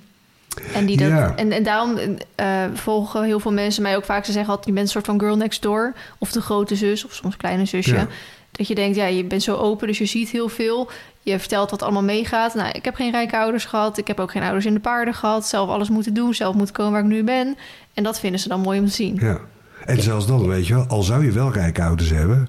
Moet je nog steeds zelf Nou doen. ja, soms is dat zelfs een negatief iets, Ja. weet je wel. Want dan, dan ben je de dochter van eh, de rijke paardenboer. Mhm. Nou, dan moet je dubbel zo hard werken. Want nou, dan zul je het helemaal wel voor niks krijgen eh, natuurlijk. Ja, dus ja, weet je wel, het zijn allemaal van die hele Nederlandse dingen. Dat denk ik, jongens, echt absoluut niet interessant. Weet Nee, je wel? ik weet dat heel goed met het woord influencer.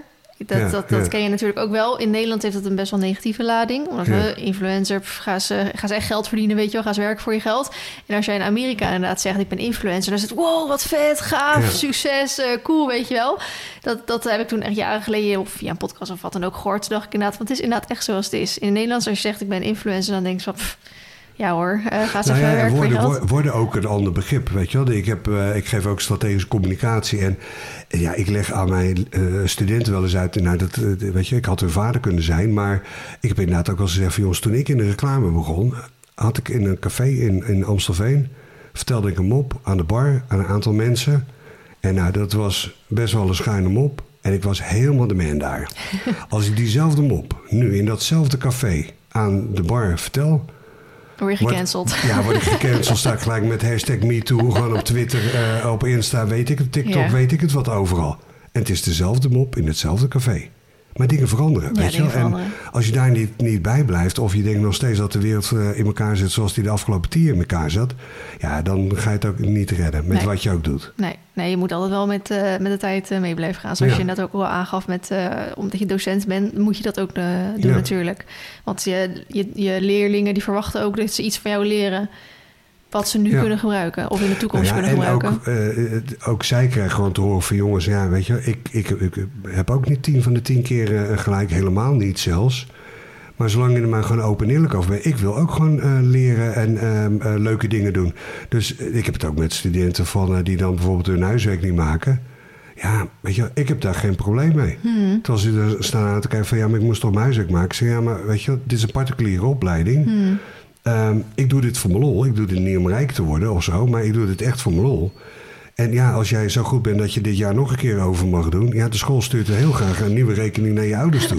weet je wel, maakt mij geen, geen fluit uit. Ja. Het is jouw, ei- weet je, ik ga je echt niet eh, eh, eh, als letterlijke schooljuf eh, achter je aan... dat Ja, jij je huiswerk wil maken. of, ik heb eh, liever, wat ik ook wel eens heb... Dat studenten mij, studenten mij zelfs in de vakantie via social een bericht sturen van... Goh, meneer Wildeburg, we hopen dat snel school weer begint. want u heeft altijd van die grappige lessen. Dat ik ze zeggen ook nog steeds u en meneer tegen me. Dat moeten ze omdat ze netjes van school moeten zijn. Maar mijn Ja. hemel. Gewoon jij en je... en, Ja. eh, maar dat ze zelfs in hun vakantie inderdaad Ja. jou gaan berichten. ja, andersom regel ik dan weer dat zij bij nou ja, een bedrijf als de Media Monks bijvoorbeeld... waar echt wereldwijde echt super gave online campagnes en eh AR en dingen worden van... dat ze daar terecht kunnen. Dat ze zoiets hebben, oh, maar kent u die mensen ook allemaal? Ja, maar dat doe je ook alleen maar als je denkt dat die leerling daar op zijn plek is. Of daar ook echt... Ja. Want jij gaat ook niet mensen aandragen waar, waar ze niks aan hebben. Want dat... Nee. Nee, en eh, ik zeg er ook eerlijk voor jongens, weet je wel, ik heb hier echt moeite voor moeten doen. Ik vind het super gaaf om daar naartoe te gaan. Maar echt, eh, ik weet waar je huis woont als je niet komt opdagen. Weet je wel? Ik ga dit regelen, maar ik, doe het ook voor jullie. Ja. Weet je wel, laat me daar niet eh, eh, in mijn blote kont staan voor de deur van... nou ja, ik had twaalf studenten, maar weet je wel, er zijn er nog twee van over. Zeg, dat gaat mij niet gebeuren. Nee, nee, wel een beetje een soort naam hoog te houden. Of eer, eer voor jezelf hoog te houden. Nou ja, weet je, ik doe daar moeite voor. Ja. Andersom is dat ook zo, weet je. wel. Ik ben ook de laatste ehm, eh, eh, eh, docent die zegt van... oké, je hebt hier gewoon een maand aan dit stuk gewerkt. Ik, le- ik lees het even diagonaal door en eh, pff, nou ja, weet je wel, hier cijfer uh, toedeloe. Hmm. Nee, ik, ik, ga, ik ga inderdaad, eh, nou ook van tevoren, maar ik ga ermee om van, joh, je hebt hier moeite voor gedaan. Je hebt daar ergens stage gelopen. Ik, ik wil, ben oprecht benieuwd, wat heb je daar geleerd? Wat ga je nu zelf toepassen? Waar stond je van te kijken? Wat vind je het stom of achterlijk of wat dan ook? Ja. Dan ben ik ook echt in, ge- dan help je elkaar ook. Ja, ja. Annelinde die had... ehm, eh, nou, ik, ik ga niks over wie of wat of zo zeggen. Dat is ook absoluut niet belangrijk. Maar ze had ergens, ik laat het heel erg Ja. open... een wat negatievere ervaring mee. En daar hebben we het natuurlijk even over gehad. Ja. En toen eh, zeiden we eigenlijk redelijk tegelijkertijd... zeiden we ook van, ja, maar hier leer je dus weer van. Want hier, nu weet, weet je ook dat je dit dus niet straks Ja. wil. Als jij straks in, voor jezelf gaat werken of in een bedrijf gaat werken... dan weet je dus niet dat je dit wil. En dan denk ik, dat is toch ook heel waardevol. Dan, moet, dan is dat even iets negatiefs. Maar daar... Nee joh, het is, weet je, het is helemaal niet erg om je neus te stoten... of teleurgesteld te worden of een keer de plank mis te slaan. Of, weet je, als je er maar iets mee doet. ja, precies. En of het nou heel simpel is van, oh, maar dit werkt zo, dat ga ik dus de volgende keer niet doen. Of, eh, weet je wel, ik, ik wist niet dat ik zo flexibel of zo creatief kon zijn dat ik toch een andere weg heb gevonden. Ja, je moet er iets mee doen, anders, anders heb je er echt niks aan gehad. Nee. Maar ja, ja, die dingen gebeuren. het, komt, nee, het komt ook vaker voor dat ik, dat ik zeg van jongens, ja, spring gewoon in het diepe. Je moet het gaan doen. Wat heb je te verliezen? Zeker nu je nog jong bent. Ja, wat heb je te verliezen? Nu moet je juist leren. Ja. Dus ga niet op safe spelen of eh, ga niet alleen maar het veilige doen. Maar ja, dit is de speeltuin waar je nu in zit. Je bent nu jong. Eh, ga dingen uitproberen. En inderdaad, ja, wat heb je te verliezen? En als je eens goed na gaat denken, dat is heel makkelijk vaak gezegd. Maar wat heb je nou echt te verliezen? Dat valt 9 van de 10 keer ontzettend mee. Ja. En dan denk je, ja, just do it. Je bent eh, failliet verklaard toen. Ja, Wat toen? Ja, wat toen? Hè? Dat was toen. eh, nou ja, je kan eh, op twee manieren fiet gaan, namelijk fiet en dan ga je verder. Of ja, het is een onderdeel van je leven. Maar ik ben fiet gegaan in de meest brede zin van het woord. Dus echt alles kwijt geweest. Huwelijk, bedrijven, vastgoed, auto's, personeel. nou, de- noem het op. En ik was het kwijt. Eh, ook dat is een situatie in Nederland. Daar is niemand op berekend. Want eh, de hele overheid, et cetera, gaat ervan uit dat je of ergens vermogen verstopt hebt. Of dat je ergens beter wordt van zo'n faillissement. Maar ik heb dus inderdaad de situatie gehad dat ik ehm, eh, nou ja, de, mijn huis niet kon betalen. Alles in, in executie. Maar ja, de, in de eerste week. eh, ik kon ook niet ergens geld gaan verdienen, want er wordt gelijk beslag opgelegd. Of Ja. iets opnieuw beginnen, wordt gelijk beslag opgelegd. Sterker nog, ik ging naar een rechtsbijstandsverzekering. Ik zeg van ja, de eerste deurwaarders staan op de stoep en de rechtszaken. Ehm, hoe, hoe werkt dit? Help. Dus toen zei ze, ja, maar dit heeft een zakelijke oorsprong. Eh, ja, klopt. Ja, dan kunnen we u helaas niet helpen, want had u moeten bijverzekeren. Ik zeg, ik ga toch niet zeggen dat ik tegen bijvoorbeeld een belastingdienst... met mijn pet in mijn hand gewoon mezelf moet gaan verdedigen. Ik zeg, want ik heb gewoon niks. En ik kan niet naar de voedselbank toe, want ik ben officieel in bezit van mijn eigen huis. Maar weet je, ik, ik kan de huur niet betalen. Dus ja, of criminaliteit of zwart werken. Toen ik mijn dochter eh, terug moet halen uit Amsterdam. En die is in de horeca gaan werken om de boodschappen te doen. Want je kan inderdaad als werkgever niet eens naar de voedselbank. En ik, ik kreeg dus nul juridische hulp. Ik zeg, nou mevrouw, vindt u dat zelf niet raar? Want als ik zonder paspoort in Nederland kom, krijg ik een advocaat. Als ik Ja. nu iemand neersteek, krijg ik denk ik een advocaat. Ja. Sterker nog, als ik mijn blote kont gillend hier naar buiten ren, krijg ik denk ik nog een advocaat. Maar een eerlijke werkgever bestaat niet in Nederland. Dus nou, gelukkig mijn zakelijke advocaat eh, die, eh, die ik had opgebeld. Zegt, Tom, weet je wel, laat ze het allemaal. Ik zal het heel netjes zeggen, het heen en weer krijgen. Ik ga gewoon jouw zaken doen. Jij bent er in noodtempo weer bovenop. En hoe en wat je eh, dan aan mij betaalt, zien we wel. Ja. Wat chill, dat, dat je zo iemand dan achter je hebt staan die dat even ook zo tegen je zegt. ik viel van de ene verbazing in de andere. Dat ik denk, nou, we wonen toch niet in een bananenrepubliek. Voor alles is hier en iedereen is geregeld. Ook al mijn personeel, voor alles is iedereen. Maar een eerlijke werkgever bestaat dus niet in Nederland. Sterker nog, als je in de schuldsanering komt bijvoorbeeld, dat is een van die feitjes, krijg je een schone lei aan het eind. Dat is dus helemaal niet zo. Ja, dat heet zo. Maar dat betekent dat de schuld die je dan nog hebt, dat die niet direct eh, opeisbaar is. Maar tot levenslang blijft die schuld wel staan. Dus ik kan nooit voor zijn leven meer een hypotheek krijgen, een eh, lening afsluiten, een creditcard krijgen of wat dan ook. Dat je denkt, nou, dit kan niet. Nou, ik zou zeggen, google het even. Hmm. Dat het, kan wel. het bestaat wel. Dus- En we wonen nog steeds in Nederland in een eerste wereldland. Hmm. Eh, dus ja, ik ben inderdaad nu weer eh, begonnen. Want ja, als je alles kwijt bent, dan heb je nog maar twee dingen over. A, je netwerk. Nou, dat dunt redelijk uit. Want alle mensen die je vriendje zijn omdat je rijk en bekend bent... Die vallen snel weg. die vallen sowieso eh, van de kar, zeg maar. Maar ja, mijn netwerk, dat was eh, eh, behoorlijk groot inmiddels. En je reputatie. Nou, daar hebben we het eerder over gehad. Eh, die was bijzonder goed. Dus ja, ik werd ook door klanten, ex-klanten gebeld. Van ja, Tom, weet je wel, ehm, geen idee hoe je dat factureert of wie het gaat maken. Maar je bent de enige die weet hoe ons jaarverslag in elkaar zit. Eh, ik heb je nodig. Of inderdaad van, oh, maar nu je niet meer de hele dag met klanten bezig bent... en met personeel en banken en leveranciers en weet ik het wat... eh, we hebben een aantal klussen. Jij hebt er enorme expertise in. Wil je dat gaan doen? Dus ja, het werk kwam aan alle kanten naar me toe. Ik had alleen zoiets van... hoe moet ik dit juridisch gaan doen? Ik moest mijn telefoonnummer inleveren... Bij, of mijn telefoon inleveren bij de curator. Een nieuw telefoonnummer, nou, dat had ik al twintig jaar niet gehad. maar dus ook alle nummers erin. En ik had zoiets van, nou mevrouw, weet je wel, ze had ongeveer jouw leeftijd, twee jaar ouder denk ik. Eh, zeggen van, ik ga, hier is mijn boekhouder, alles is er. Nou, van de rechter complimenten gekregen, nog nooit zo'n complete en, en actuele boekhouding gekregen. 10, met, 10 plus. Dus ik zeg, ik ga naar een huisje van eh, vrienden toe op Ameland. Want eh, ik, ik ga dit even opkouwen, weet je wel. Ik kreeg gewoon netjes door van, ehm, maar daar moet u mijn toestemming voor hebben. Ik zeg, pardon? Ze zegt, ja, u mag uw woonplaats niet verlaten zonder mijn toestemming. Ik zeg, nou mevrouw, ik woon in Leusden. Dus als ik in Amersfoort boodschappen ga doen, dan heb ik uw toestemming ervoor nodig. Ze zegt, ja, formeel wel. Eh, als u net bijvoorbeeld naar het buitenland gaat zonder dat ik het weet... kan ik zelfs uw eh, eh, paspoort vorderen. Maar ik geef u bij deze wel toestemming om daar naartoe te gaan. Ik had echt zoiets van... het- je wordt echt als een soort crimineel behandeld. Ja, inderdaad. Terwijl, wat ik al ook eerder zei, Amerikaanse vrienden van mij, die hadden inderdaad zoiets van Tom, één ding, fucking knokken. Gewoon de beuk erin, weet je wel. Eh, ik ga ook kijken hoe ik je kan helpen, eh, maar één ding, never give up. Maar aan de ene kant is het niet inderdaad een soort, soort, soort boekje waaruit ze werken. Want nu, nou ja, goed, de reden hoe jij failliet bent gegaan is denk ik wel anders dan dat je de hele boel belazerd hebt en alles. eh Ja, Dus je, en de- Ja. da- zo moeten ze je gewoon toen alles in elkaar klapte, de schuld was ook ietsjes groter dan een gemiddeld eh LKB-bedrijfje. Ja. Niet dat ik zo'n multinational was, maar het ging gelijk over grof geld en ja, de hele andere variabelen. Ja, maar goed, ze moeten ze wel zo behandelen waarschijnlijk. Nou ja, het is de letter van de Nederlandse wet. Alleen, ja, ja ik snapte die, die, die dame wel.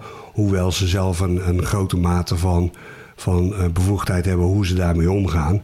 En dat doet de een iets anders dan de ander. Eh, en dan heb ik zoiets van, ja, weet je wel... ik ben niet eh, een of andere loesje sportschoolhouder... die eh, wegens drugsmokkel Nee, eh, zijn tent moest dicht doen. Ja. Maar eh, deels kwam ik ook gewoon de Nederlandse wet zelf tegen. Wat ik zei van eh, wat voor rechtspositie je hebt. Nou, dat ik denk van, hoe kan dat? En niemand weet dat. Er zijn iets van 30.000 werkgevers in deze positie die ik nu schets in Nederland. Nummer 1 is ehm, eh, echtscheiding. Nummer 2 is zelfdoding onder die groep. Wist ik ook niet. Ik ben hier heel open en, en eerlijk over. En weet je wel, ik heb een heleboel mensen gehad die zoiets hebben van... Hoe kun je nou helemaal happy de peppy zijn? Je bent alles kwijt, je bent failliet. Mijn hemel. Ik zeg van, ja, maar weet je één ding? Ik word iedere dag naast de liefde van mijn leven wakker. ik doe ontzettend leuke dingen. Als ik nu iets factureer of, of, of geld verdien... dan kijk ik links en rechts denk ik... oh, ik hoef het ook met niemand te delen. Ik heb ook bijna geen kosten. Ja, mijn leven is wel superleuk hoor. Ja, maar dat komt omdat je natuurlijk alles al hebt meegemaakt. De, Ja, de maar leuke ook- kanten ervan, de negatieve kanten ervan. Ja, en, maar niemand ziet ook als je, als je eh, zo'n groot bedrijf hebt en, en die dingen runt. Je bent gewoon echt 90% bezig met gewoon vervelende dingen. Hmm. Namelijk eh, eh, banken, personeelszaken, belastingen, inkoop. Overal waar je komt, nou ja, door die goede doelen. Zat ik natuurlijk bij die ambassadeurs ook een beetje in, de, in het BN'ers-wereldje. Maar 24-7 staat de camera aan. Dus ja, weet je wel, het, eh, grappig. eh, Carolien Tensen nog regelen voor een benefiet... omdat ze weten dat ze bij SBS 6 nog net geen contract had. En interessant, ook leuke dingen gedaan, weet je wel. Van grappig met Umberto aan tafel zitten. En hele leuke dingen. Maar het is wel 24-7. Ja. Dus toen dat voorbij was... Ja, nu is het andersom. Ik ben nog 10% met, nou ja, gezeik dingen van die situatie tegen. Maar echt letterlijk 90% gewoon met hele leuke dingen. Ja. Dus toen dat voorbij was... Ja, ik heb het wel eens tegen iemand anders gezegd... maar dat was echt alsof er ook een betonnen jas van me afviel. Dus eigenlijk was de, ja, dat zeggen mensen wel eens met een burn-out. Eh, Ja. Als je erin zit, is het heel vervelend. Ja. Maar achteraf gezien is dat het mooiste wat je had kunnen ja, en overkomen. er is echt een leven voor en een leven erna. En het is niet zo van, oh, toen was alles slecht. Want daarom zeg ik van, joh, weet je, ik heb de meest gekke dingen gedaan. Ik heb de hele wereld gezien, fantastisch. Mhm. Ik zou het zo weer doen. Dus het is niet, dat is slecht en dit is goed. Maar het, is, het is wel totaal anders. Het is, wel alsof je... Ja. Eh, nou ja, opnieuw geboren wordt. Alleen dan wel met de, de kennis die je dan Ja. als eh, inmiddels 52 jaar hebt. Ideaal. Ja. Nou ja, ze hebben dan wel eens van... Stel van je moet je leven opnieuw doen met de kennis van nu. Ja, Zou je de andere keuzes maken? Dat is heel grappig. Nou, dan kun je inderdaad wel een avondje met een glaasje wijn aan wijden, zeg maar. ja, ja, maar eh, zo voelt het wel een beetje. Ja, ik denk wel eens over na, inderdaad, met de kennis die je nu hebt, hoe je dan de middelbare school was doorgekomen. Of, de, of de basisschool. Dat je echt denkt, bepaalde meningen van bepaalde mensen die je zo aantrok, dat je echt denkt, mijn god, waar ging het over? Nou, zeker. Ja, en dat treft alles van wat vind je belangrijk en wat niet. Ehm, eh, waar, waar- wie geef je al je tijd, geld en moeite en wie niet. Mhm. Ja, en dat, dat, dat verandert. Maar ja, Maar aan de andere kant heeft dat ook wel weer dingen, die, dat heeft je dingen geleerd. ja, absoluut. Je krijgt natuurlijk alle, alle bekende levenslessen. Ja, en, precies. eh, tot en met clichés die je tegenkomt. Dat je denkt, nou, één ding, maar ik ga later, als ik, mocht ik opa worden, ga ik echt niet zo en zo zijn. Nou, ik heb dus eh, nu twee kleinkids van eh bonusdochter, die met, al vijf jaar met een andere vrouw getrouwd is. Allebei hebben ze nu een kind gekregen van dezelfde donor. Dat je denkt, nou, dat staat er heel erg ver van je af. Nou, je, je- je bent erbij, je ziet dat kind en alsof de lichtknopje wordt omgezet, je bent op slag verliefd. echt gewoon, echt alle clichés Alle zijn waar. clichés zijn waar. Dat je denkt, nou ja, wat een muts ben ik dan, weet je wel? Ja, Niet normaal. ja, maar dat hoop je dan ook vaak, maar dat die clichés waar zijn. Joh, ik, loop zo, ik loop zo trots als een pauw met, eh, met de kleine rond eh, vliegtuigen kijken. En eh, nou ja, weet je wel, dat je denkt, nou ja, wat, wat, ik zeg wel eens tegen mijn vrouw van wat een enorm ANWB-setje zijn wij. Ja, maar wat heerlijk is dat. Wij, Ja. wij noemen, we worden altijd het IKEA-koppel genoemd. Ja, nou ja. De helft van ons huis IKEA. We lopen heel vaak in blauwe spijkersbroek, geel eh, shirtje of zo, weet je wel.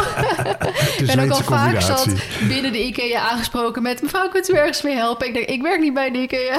Ja, ja, hoe, hoe bizar is dat? ja, inderdaad. IKEA en het AWB koppel inderdaad. Maar wat doe je nu dan? Want je bent eh, failliet geweest. Ja, ik ben dus nu freelance, dus ik word ingehuurd eh, door uh, nou, DA, is eigenlijk DA, de drogisterijketen, is eigenlijk mijn grootste opdrachtgever. Daar zit ik in een acquisitie- en expansieteam. Dat betekent dat wij uh, drogisterijen die te koop komen te staan, omdat bijvoorbeeld mensen willen pensioneren, uh, daar proberen we nieuwe kandidaten ondernemers voor te vinden.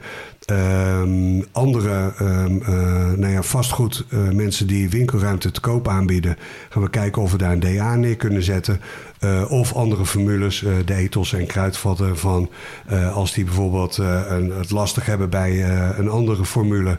Uh, kunnen wij die niet dan omkatten naar een uh, DA-formule mm. toe. Is dat uiteindelijk een soort van, ja, ik, ik weet er niks vanaf. Is dat uh, dezelfde eigenaar, dezelfde, hoe werkt nou, dit? In, in de, de drogisterijwereld in Nederland is heel makkelijk verdeeld. Je hebt eigenlijk A.S. Watson, daar zit kruidvat en trekpleister in. Dat is de allergrootste. Mm. Dat zijn allemaal filialen. Dus wat ze in het hoofdkantoor verzinnen, dat gebeurt overal. Dan heb je Ethos, dat is de nummer twee keten eigenlijk. Uh, dat is onderdeel van Ahold, van Albert Heijn. Mm. Uh, die hebben half filialen en half zelfstandigen, dus half franchise. Mm-hmm.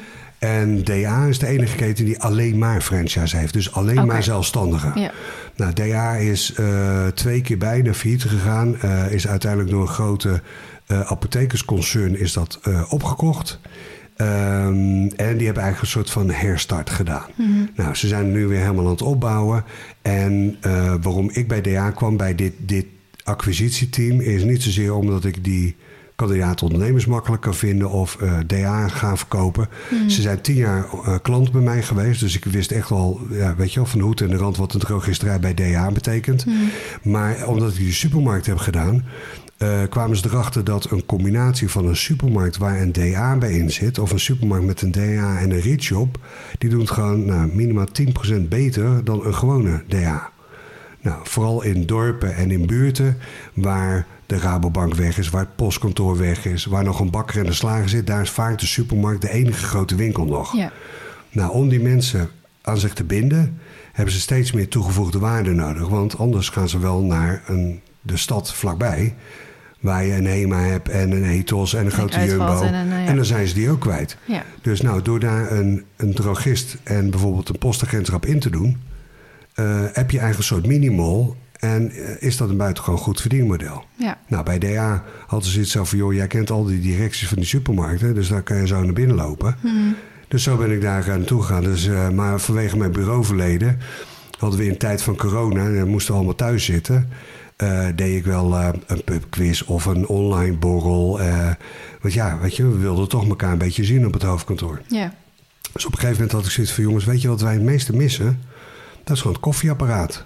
Want daar kom je een stagiair tegen, of iemand van de andere afdeling, of iemand van de boekhouding, waar je nooit zoveel mee contact hebt. Mhm. Dus ik had zoiets, waarom gaan we niet een soort koffietijdprogramma maken? Um, en met online interviewtjes, met één uh, tafelgast. Nou, ik ken toevallig nog een finalist uit uh, Heel Holland Bakt. Een nou, buitengewoon gezellige tante Cato. Die kan wel een DA-taart maken die we dan meegeven. En we gaan gewoon een soort koffietijd maken. Nou, ik heb een magazine uh, uh, voor ze verzonnen. Dat heet Hoe dan? Dus ik had zoiets, noem het gewoon koffie Hoe dan? Want wij hebben alle antwoorden op jouw vragen. Hmm. Nou, we gingen drie pilot-uitzendingen maken met een vriend van me die tig jaar bij de NOS heeft gewerkt. en ja, mijn technische wederhelft is. Dus licht geluid, hij is voice-over, hij maakt bumpers, trailers, nou, de hele mikmak. Dus ik presenteer het concept. En nou ja, na drie afleveringen was het echt zoiets van... Nou, dit is superleuk. Laten we dit voor leveranciers gaan doen. Dus ik heb toen een, een seizoen gemaakt met uh, de winkel van de week en het product van de week. Uh, allemaal met, nou ja, bijvoorbeeld uh, Newcare, nou, vitamine en supplementen. Nou, waarom is D3 zo populair? Is dat, weet je wel? Dus alles rondom een leverancier. Hmm. Nou, dat is verder doorgegaan. Uiteindelijk ben ik nu een combinatie van... Uh, uh, online televisie met een podcast aan elkaar aan het maken. Want bij een podcast zoals nu... Ja, mensen horen mij nu, maar die hebben geen idee hoe ik eruit zie. Mhm. Of ze moeten nu online gaan kijken van... Weet je wel, uh, Google even Tom Wildeburg. Yeah. Maar... Um, en dat miste ik ook bij podcasts die ik luisterde van BNR bijvoorbeeld. Dus ik had zoiets van, oké, okay, als we nou eerst een podcast doen... waar iedereen te zien is... Mm-hmm. en dan gaan we verdiepende vragen in een, Ja. nou ja, de soort radio-uitzending doen... Ja. dan weet je in ieder geval wie die deskundige aan tafel is. Of die ambassadrice of die arts. bij. Dus nou, dat maak ik dus ook voor DA. En dat, uh, dat is steeds succesvoller. Uh, dus ben ik toch nog een stiekem, een beetje bezig met uh, creatieve content eh, aan het maken. Hmm. Um, Ik, ja, had, ik, had, ik had even tussendoor. Ja. ik, een leuke anekdote. Ik had een keer iemand hier zo voor de podcast. Het was een man. Maar um, in wat verhoogd stemmetje. Ja. Dus toen... uh, normaal hebben als, als ik niet mensen binnen de paardensector zeg maar vraag... meestal binnen de paardensector weet iedereen wel een beetje hoe die eruit ziet... of kan je het opzoeken. Um, dan moet je het echt doen met de stem inderdaad. En Ja. ik laat ook bijna eigenlijk nooit ook nog in de vlog iemand zien. En toen had ik het dus nu wel gedaan. Toen kreeg ik dus een reactie van iemand... Ik dacht dat het een vrouw was. ja, ja, ja, ja. Dus die had dan door het midden van het kijken naar die vlog... van, oh, het is een man. Ja, je kan niet altijd aan de stemmen. Andersom Nee. komt het ook inderdaad Ja. voor. Nou, vandaar dat ik het wel grappig vond om dat zo te laten zien. Ja. Nou, ik werk nog één dag in de week voor het CBD. Dat is Centraal Bureau voor Drogisterijbedrijven. Dat is eigenlijk Mhm. de branchevereniging van alle drogisterijen. Dus daar spreek ik ook ethos en Hazelhots en et cetera. En daar doe ik een project, eh, de certificering van een keurmerk zelfzorg online. Dus dat betekent alles wat je online kan kopen aan pijnstillers, aspirines, et cetera. Dat wil de overheid op een verantwoorde manier doen. Net zoals bij de drogist word je dan netjes gevraagd van... heb je een hoge bloeddruk? Voor wie is het? Weet je wel, wat ga kan je advies erbij krijgen? Ja. Alleen online is dat heel moeilijk te zien en eh, eh, te bevragen. Terwijl online kun je een heleboel dingen gebruiken Ja. die je offline niet hebt. Mhm. Je kunt met een pop-up kun je werken. Ja. eh, nou, weet je wel, een Filmpje heleboel dingen. Ja. Alleen online zijn de drogisterijen iets anders verdeeld. Iedereen die wij als drogist offline kennen, is online stelt heel weinig voor. Uh, maar de online drogist uh, en uh, dat soort partijen, bol.com, ja, die zijn juist heel groot. Mm. Dus nou, ik kom nu ook, en dat is weer nou ja, die factor leuk aan mijn werk. ik zit dus met nou ja, de, dat soort online partijen nu aan tafel om de verantwoorde zorg te borgen en dat zij inderdaad dat goed voor elkaar hebben. En dan één dag in de week geef ik uh, dus uh, bij voorkeur les aan uh, de Annelindes van deze wereld. nee, bij mij het zijn studentenbedrijfskunde of horeca en toerisme. En dan geef ik strategische communicatie of experience marketing. dus ja, marketing communicatie vakken. Ja. Ik geloof komend trimester ga ik ook ondernemen geven, geloof ik, uh, aan uh, een klas. En ga je dan gewoon een soort van heel open zo die lessen in, dus zonder voorbereiding, zonder uh, waar je les over gaat? Of nou, ga je gewoon nou, leuk vertellen? Nee, of... er is wel, kijk, de, de ja, er is een, een, een, boek of een paar boeken als leidraad. Ja, er zijn wel eisen van oké, okay, aan het eind van dit trimester moet deze lesstof de studenten eigen zijn. Ja. ja, er worden ook toetsen gegeven, et cetera. Dus je moet wel iets leren en je moet wel kenniskunde en vaardigheden Ja. opdoen. Alleen de manier waarop, ehm, ja, er is vaak een presentatie of een PowerPoint als leidraad. Maar ik probeer me daar zo min mogelijk aan te houden. Eh, nou ja, zoals je hier al merkt, gooi er een kwartje in en dan komt er een, een, een Riksdaalder aan. Of Ja, ja. 2,50 aan content uit. Riksdaalder zei ik zelf, dan ben je echt oud hoor. Maar ehm, eh, ja, ik, ik probeer wel de hoofdpunten eruit te halen. Eh, maar het wel op een andere manier te doen. Dus ik ben echt de laatste die alleen maar slides gaat oplezen. Ja. Of alleen maar uh, stof uit een boek. eh, Maar het, het komt toch steeds meer dat er steeds meer mensen uit de praktijk ook docent worden. Ja, deels omdat er een behoefte aan is. Maar deels zie je ook dat een heleboel zaken gewoon in het onderwijs heel snel moeten veranderen. Omdat de maatschappij verandert. Weet je wel, in, in, in de tijd, we hebben nu een heleboel webredacteuren. Nou, die zijn allemaal met klassieke journalistiek opgegroeid. Hmm.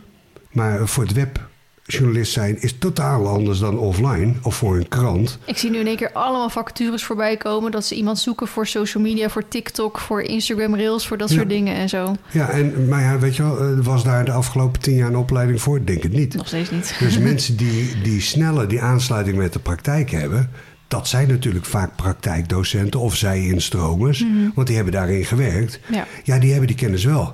Eh, het keerzijde is, weet je wel, ja, ik kwam op deze opleiding ook omdat ik toevallig zelf een keer stagiair van Notenboom had. Dus ik zei van ja, weet je wel, ik wist niet dat ik iedere, iedere dag hier langs fietste. Maar ik vond die gastcolleges superleuk vroeger. Ja. Dus als je een keer een gastcollege wil hebben, maar weet je wel, dit, dit zijn mijn gegevens, geef me maar een gil, lijkt Ja. me wel grappig. Ja. Nou, voordat ik het wist had ik drie vakken. En eh, was ik na één trimester geloof ik de meest populaire docent gekozen eh, aan eh, de, de, de resultaten van de enquêtes te zien. Ja. Maar ik vond het ook super leuk om inderdaad die dynamiek in die klas Ja. te hebben. Maar dan heb je denk ik vooral ook een klas die ook echt interesse heeft in hetgene wat jij aan het vertellen bent. Ja, nou, dit is wel particulier onderwijs. En dat is natuurlijk wel, het zijn vaak studenten die uit ondernemende families komen. Of die zelf een onderneming al zijn begonnen. Eh, en ja, die, die wat minder met de armen over elkaar in de klas zitten. Van nou, ik moet hier zijn vanwege de leerplicht. Dus het is wel een andere categorie mensen dan Ja. nou ja, de gemiddelde ROC, om maar even zo te zeggen. Eh, niets, niets ten slecht van de ROC, maar die, dat is een heel ander systeem. Eh, en je hebt met hele andere variabelen te maken. Ik kan ook niet de kantjes ervan aflopen, want ik word gewoon neergesabeld door mijn studenten als ik me er met een Jantje Verleider van af wil maken. En dat vind ik ook gewoon, ja, weet je, dat is all ja. part of the deal. Ja, ja. Tegelijkertijd zei ik ook tegen de schoolleiding van oké, ik heb geen eh, pedagogisch didactische vooropleiding. Hmm. Ik heb wel stagiaires begeleid, ik ben een enorme mensenman. En ik heb eh, eh, een dochter eh, die inderdaad wel in de categorie vroeger gepest over het paard getilde Paris Hilton ongeveer is. En mijn moeder zat in bijzonder onderwijs. Toen zei ze, nou, ik denk dat die ervaringen nog het meest van pas komen op onze school. De rest kunt u gewoon bijleren. Ja, ja. Maar dat is wel tegenwoordig moet je wel een bepaald soort papiertje, jaaropleiding, halfjaaropleiding hebben om dan Ja. wel docent te mogen zijn. Want ik heb er zelf ook wel eens naar gekeken. Ik heb eh hippische bedrijfskunde gedaan, dus bedrijfskundige opleiding. En toen zat ik over na te denken om een docentschap nog te halen. En dat gewoon in één jaar te, te, te halen, want ik ga niet weer vier jaar naar school toe. Ehm, zodat ik docent paardensector kan worden. Ja. Maar dan denk ik ook van, dat vind ik leuk, denk ik, als ik op een gegeven moment klaar met ondernemen ben of zo.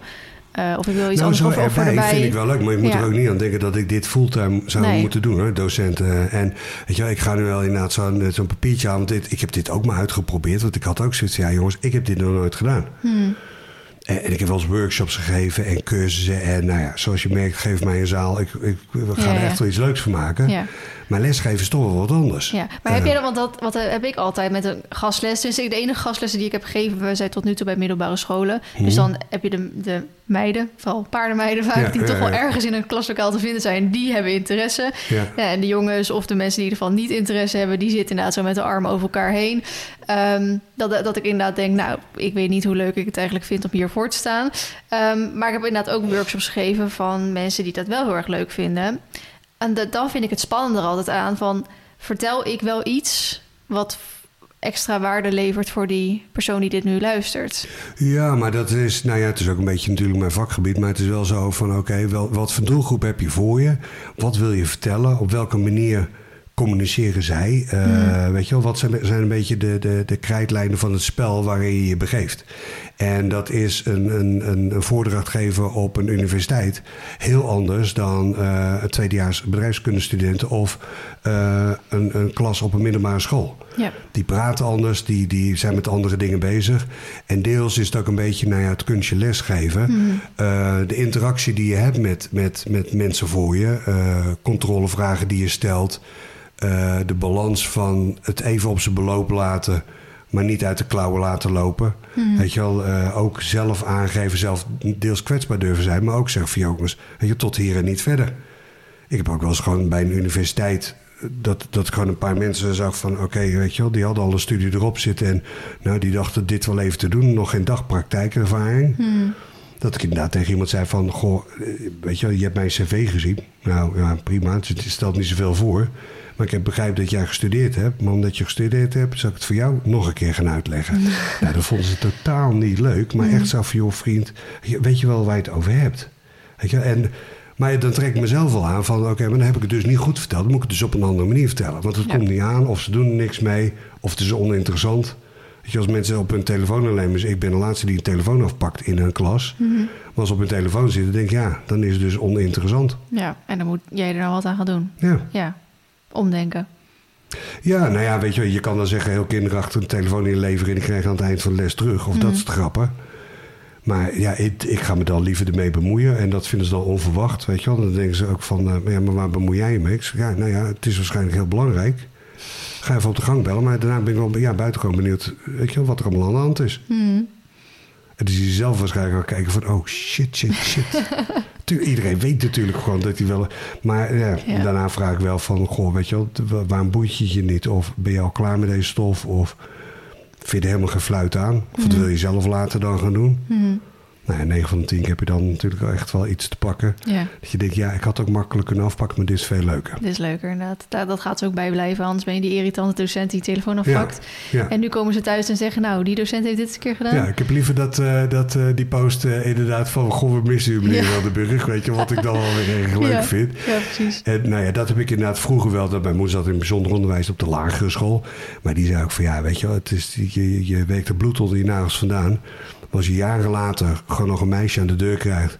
Van nou, juf coach, weet je wel, ik heb dat en dat bereikt. En ik zit nu op een normale school. En dat ze- zeg ja, dan smelt je. Voor, de, voor dat soort gevallen doe je het. Ja, ja, inderdaad. En dat is passie. En Ja. dat is inderdaad Ja. dingen doen die, die je fantastisch vindt. En daar loop je ook makkelijker een extra mijl voor. Dus Mhm.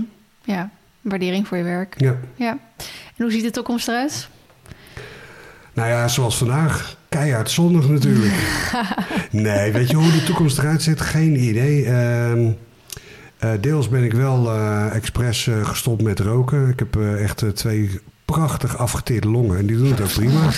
Maar toch maar gestopt met roken. en er toch achter gekomen van ja, dan voel je je toch fitter. En weet je wel, je staat niet te hijgen bovenaan een trap. Eh, ik fiets iedere dag.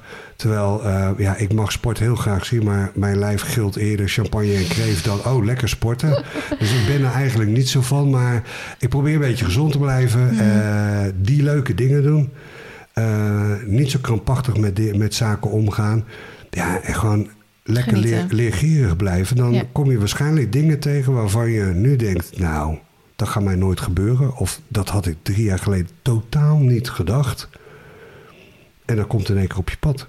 Ja, en heeft dat ongeluk nog ergens mee te maken gehad? Want dat heb je zo eh, af en toe uh, tussendoor laten komen. Dus ik weet niet, heeft dat nog ergens... Nou, uh... Ja, ik, ik liep s'avonds op een stoep terug naar huis. En ik, ik, ik, keek achterom. En toen ik naar voren keek, ben ik overreden door een mountainbiker die op zijn telefoon zat. Mm. en het midden van het stuur kwam in mijn keel. En het, het was ongeveer te grootte van een euro gat in mijn keel. Jezus. Uh, nou ja, toeters en bellen, uh, ziekenhuis, uh, week coma, een paar keer geopereerd. Ze eigenlijk met zo'n stoma eruit komen. Terwijl, nou ja, ik had hier ook niet gezeten. Maar ik had zoiets, ik kan een betere voet missen dan mijn stem. Ja. dus nou, heel, dat, dat, was wel een, een heftig iets. Ook op de zaak, ook bij het reclamebureau. Van ja, hoe plots wil je in één keer uitvallen? Hmm. En wat voor impact heeft dat op je bedrijf? Dus ja, dat, dat, heeft, dat is echt wel een dingetje geweest. En ik leefde al, ik ben mijn moeder over, die ik een paar keer genoemd heb, uh, toen zij 48 was, is ze overleden aan hartaanval uh, op het podium op school. Dus ook plots verloren. Dus ik leefde al wel van, oké, weet je, je moet hier en nu leven. Geen gekke dingen doen, maar ga alsjeblieft niet sparen, verzekeren, oppotten. Weet je rot op met je koop zo'n polis, je pensioen en je verzekeringen. Eh, weet je. Verzeker wat je echt niet kan betalen of wat verplicht is, wat moet. Maar, joh, weet je, ik heb vandaag mijn koffer teruggekregen op Schiphol. Ik geloof dat iedere Nederlander drie keer zijn reis en zijn bagage verzekert inmiddels. Via zijn creditcard, via zijn reisverzekering. Nou ja, weet je, dan denk ik, jongens kap er even mee. Het zijn allemaal dieven en die willen alleen maar zo laat mogelijk, zo min mogelijk uitbetalen. Want van de premie kunnen ze niet meer leven, die verzekeraars. Mm. Maar het zijn allemaal boeven bij elkaar. Dus ja, daar leef je wel uh, uh, even, of tenminste, daar, daar, daar leef je wel anders van. Uh, je wordt steeds bewuster ervan. En nee, het, het, dat, dat ongeluk was één ding. Dat faillissement was dat zeker ook. Want je krijgt gewoon een totaal andere wereld in één keer om je Mm. heen. Maar ja, zoals, zoals ik in beide gevallen heb gedaan ja, je gaat dan wel kijken van oké, ja, maar het is interessant. Wat kan ik nou wel? En wat ga ik nu wel doen? En welke mogelijkheden zijn er? En wat kan ik nu doen wat ik voor je niet kan?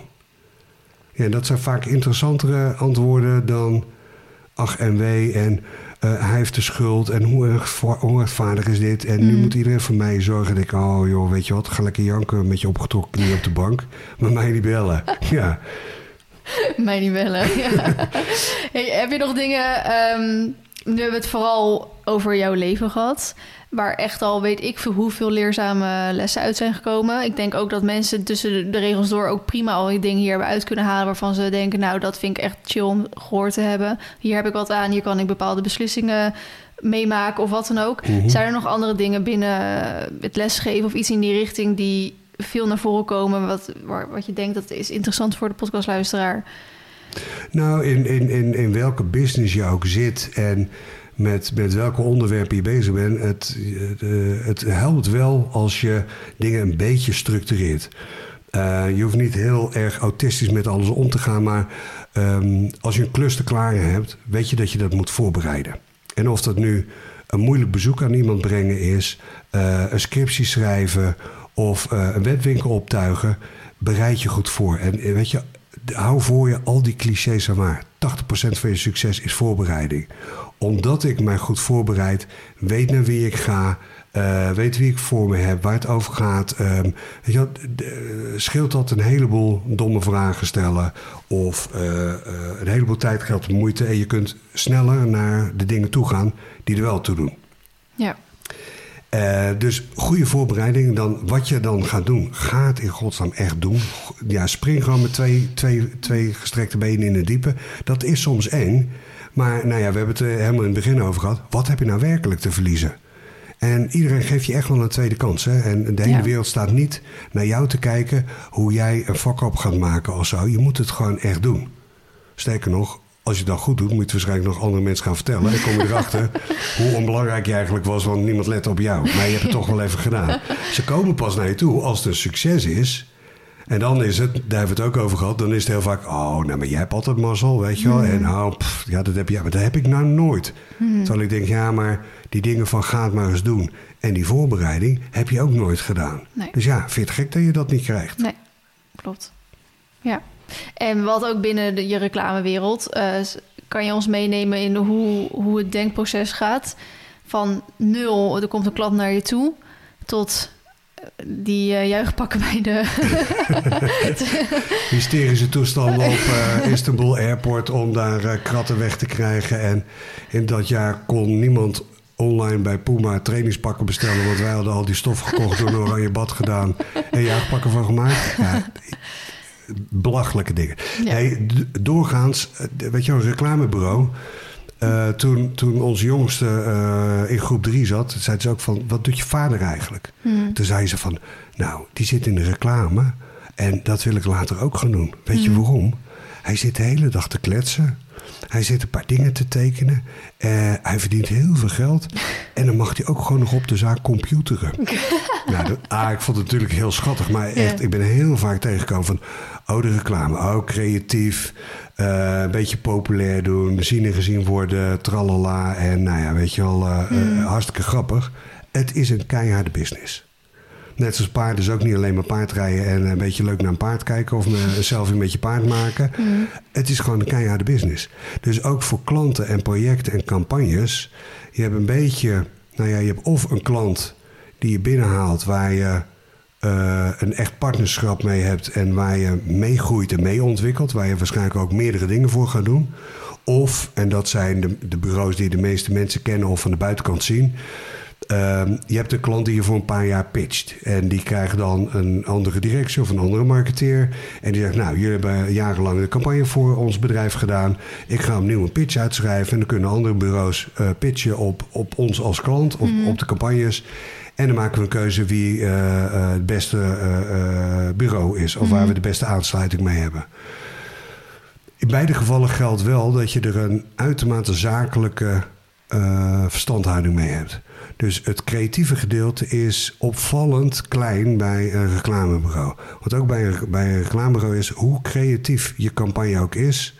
als het niet verkoopt, is het gewoon een klote campagne. Ja. Is het mooi en is het kunst voor de kunst... maar als het niet werkt, is het gewoon helemaal nul. Mm je moet ook zelf altijd gewoon met twee voeten op de grond blijven staan. Want uh, zeker als je een beetje goed draait, ben je heel snel heel populair. Gaan mensen heel vaak iets voor niks vragen. Oh, maar wij zijn een goed doel en uh, jullie verdienen zoveel geld, kun je dit voor ons voor niks doen? Dat heb ik ook heel vaak gedaan. En soms gewoon puur uit persoonlijke overtuiging. ik denk, ja, weet je wel, toen Free a Girl begon, uh, kinderen uit de prostitutie halen en nou, super effectief. Ik echt zeg, ja, deze, deze gasten moeten geholpen worden. En we kunnen ze helpen, mm. doen. Ja. Maar ik heb ook goede doelen gehad die inmiddels nou ja, bijna geen bureau meer kunnen vinden. Omdat het gewoon in hun DNA zat. Om alles gewoon standaard altijd voor niks te vragen. Hmm. Terwijl ik zoiets heb, vrienden, jullie zitten ook in een business. Jullie hebben ook donateurs. Jullie krijgen overheidsgeld. Uh, dit is ook een business. En als ik ervoor zorg dat jullie een paar miljoen per jaar meer opbrengst krijgen. Dan moet je dat echt wel een ton waard zijn. Ja. Als iemand tegen mij zegt, als je, je hebt een paar miljoen als je een ton uitgeeft, nou waar moet ik tekenen? Ja, inderdaad. Als je het goed doet, is de bedoeling dat jij dat geld dubbel en dwars gaat terugverdienen voor ze. En, en ze zien het altijd als een soort van um, uh, uh, creatie is, is wat de gek ervoor geeft. Weet je wel, ja, een goed idee ja, kan in, in twee minuten ontstaan. Mm -hmm. Een goed idee kun je ook een maand over stressen. En je moet op commando creatief zijn. Hè? Dus uh, wat ik inmiddels wel een beetje heb aangeleerd is van... oké, als ik volgende week dinsdag gewoon een goed idee moet hebben... Ja, dat kan, dat kan een uur voor de deadline zijn. Dat kan zijn terwijl ik het gewoon doorlees. Ja. Maar het moet wel die dinsdag klaar zijn. Want deadlines zijn deadlines. Ja. En dat is een beetje zo van het is een keiharde business. Uh, het gaat allemaal om 1 en nullen. En ja, wat is dan een, een slogan voor Nike als Just Do It uh, waard? Mm. Het zijn drie woorden. Mm. Ja, hoe makkelijk is dat? Mm. Ik zag laatst een stukje in nu.nl van een, uh, een Duitse reclamemaker. Die was voor zichzelf begonnen en die ging autonamen verzinnen. Mm. Want daar was hij gewoon goed in. En die zei, ja, ik had toen bijvoorbeeld uh, Opel Vectra verzonnen. En daar had hij 45.000 mark destijds nog voor gevraagd. En dan had hij echt gezegd, nou, dat gaan ze nooit voor betalen. En dat deden ze. Maar ze hebben er miljoenen auto's van verkocht. Mm. En ja, die liet ook zien van, ja, weet je, ik heb gewoon succesvolle autonamen kan ik maken. En ja, dat hoef je niet te doen. Maar ja, er zijn voorbeelden van de Mitsubishi Pajero, wat gewoon rukker betekent in het Spaans. Uh, waar je mee complete plank mis kan slaan in een land. Of nou, iedereen weet misschien nog dat we een Fiat Chroma hebben gehad, zoals het pakje braadboten. Mm Ja, je zou erin rondrijden. Dus ja, wat is dat waard, weet je wel? En, en uh, ik heb dat ook gehad met campagnes. En ik denk van, ja, de ene heeft tonnen opgeleverd, de andere heeft miljoenen opgeleverd. Um, Maar je bent er wel de hele dag mee bezig. Je bent allemaal met je werk bezig. Het kost allemaal tijd, geld en moeite. Eh, de schoorsteen moet roken. En eh, weet je wel, zelfs in, in de business van liefdewerk oud papier, it's just a business. Dus eh, natuurmonumenten bijvoorbeeld is de grootste grootgrondbezitter in heel Nederland. Puissant rijke club. Oh, moet je dan nooit meer daar iets aan geven? Nou, nee, maar ze doen wel hele goede dingen ermee.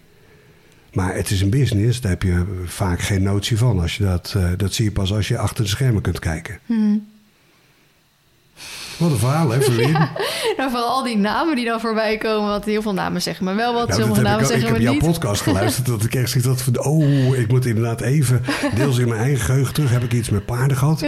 Ja, de jongste is eh, vroeger paardenkamp geweest... want eh, die werd gepest, want het was natuurlijk ook zo'n kakkindje. En daar eh, had ze andere gepeste kakkindjes... waar ze dan een heel leuk paardenkamp mee had. Maar ze is nooit op paardrijles gegaan, weet je wel. Ik denk, ja, ik moet een heleboel dingen over paarden hebben... maar eh, Nee, dat hoeft helemaal niet. dat is er niet van gekomen. Nee, dat is niet van gekomen. Behalve het eh, beeld bij de hoofdlocatie van Polo Ralph Lauren. Echt, als je de kans krijgt, Madison Avenue, New York, ze zitten er nog steeds. Echt, gaat zien. ja, precies. hey, eh, ik weet niet of je het door hebt, maar we zijn al anderhalf uur bezig. Oké, best. Oké, best klaar, stop. Ehm, ik heb eigenlijk al mijn... Nou, ik, ik kan eigenlijk in theorie nog drie uur zo doorgaan... om alleen al mooie verhalen aan te horen. Maar in theorie heb ik al- al mijn vragen die ik van tevoren had... en die tijdens op zijn gekomen, Ja. die zijn beantwoord geweest. Ik heb vooral genoten van alles wat je verteld hebt. Zijn er nog dingen, want je hebt in het begin ook wel eens eh, gehad... van nou, ik ben heel erg benieuwd hoe jij dat doet of wat dan ook. Zijn er... Heb jij een vraag voor mij bijvoorbeeld? Of dat, je denkt, nou, hoe gaat het bij jou? Of hoe ik, zie heb, jij er- dat? ik heb er een paar inderdaad, voordat we hier aan, eh, aan deze podcast begonnen, eh, even snel gesteld en stiekem gesteld. En eh, ja, ik heb het natuurlijk ook voorbereid. Dus nou ja, tot, en, tot en met je huis waar je woont, was ik wel heel benieuwd naar van, goh, hoe zit jij er dan bij? En, Hmm. en, en hoe, hoe opereer jij? Ik ben eerder benieuwd naar, naar de luisteraars van jou. Want jij, jij doet dit al even. En Hmm. je hebt een hele trouwe, grote schare luisteraars. Ehm, jij doet drie verschillende dingen, waaronder eentje is nou, de externe gast. Nou, ik ben als een rare vogel die dan van buitenaf invliegt van... oké, weet je wel, wat heb jij dan te vertellen? Ik ben heel benieuwd of, of jouw luisteraars vragen eh, hebben. En ehm, eh, ik wil ze best wel een keer eh, beantwoorden. Nou ja, of in een vervolg, of dat je ze aan me mailt... of wat dan ook, om daar antwoord op te geven. Maar ik ben heel benieuwd wat ze, wat ze hiervan vonden... en of ze, het, of ze andersom leuke voorstellen voor jou hebben... eh, om iemand achter de microfoon te krijgen. Of heb je dat wel een keer gevraagd? Nou, jawel. Van wie zouden jullie graag willen horen? Ja, jawel. Ik, ik vraag het af en toe, omdat ik eh, nogal zelf soms een beetje pietje precies vind met wie ik in de podcast wil hebben. Ja? Eh, dat kan een reden hebben of geen reden hebben.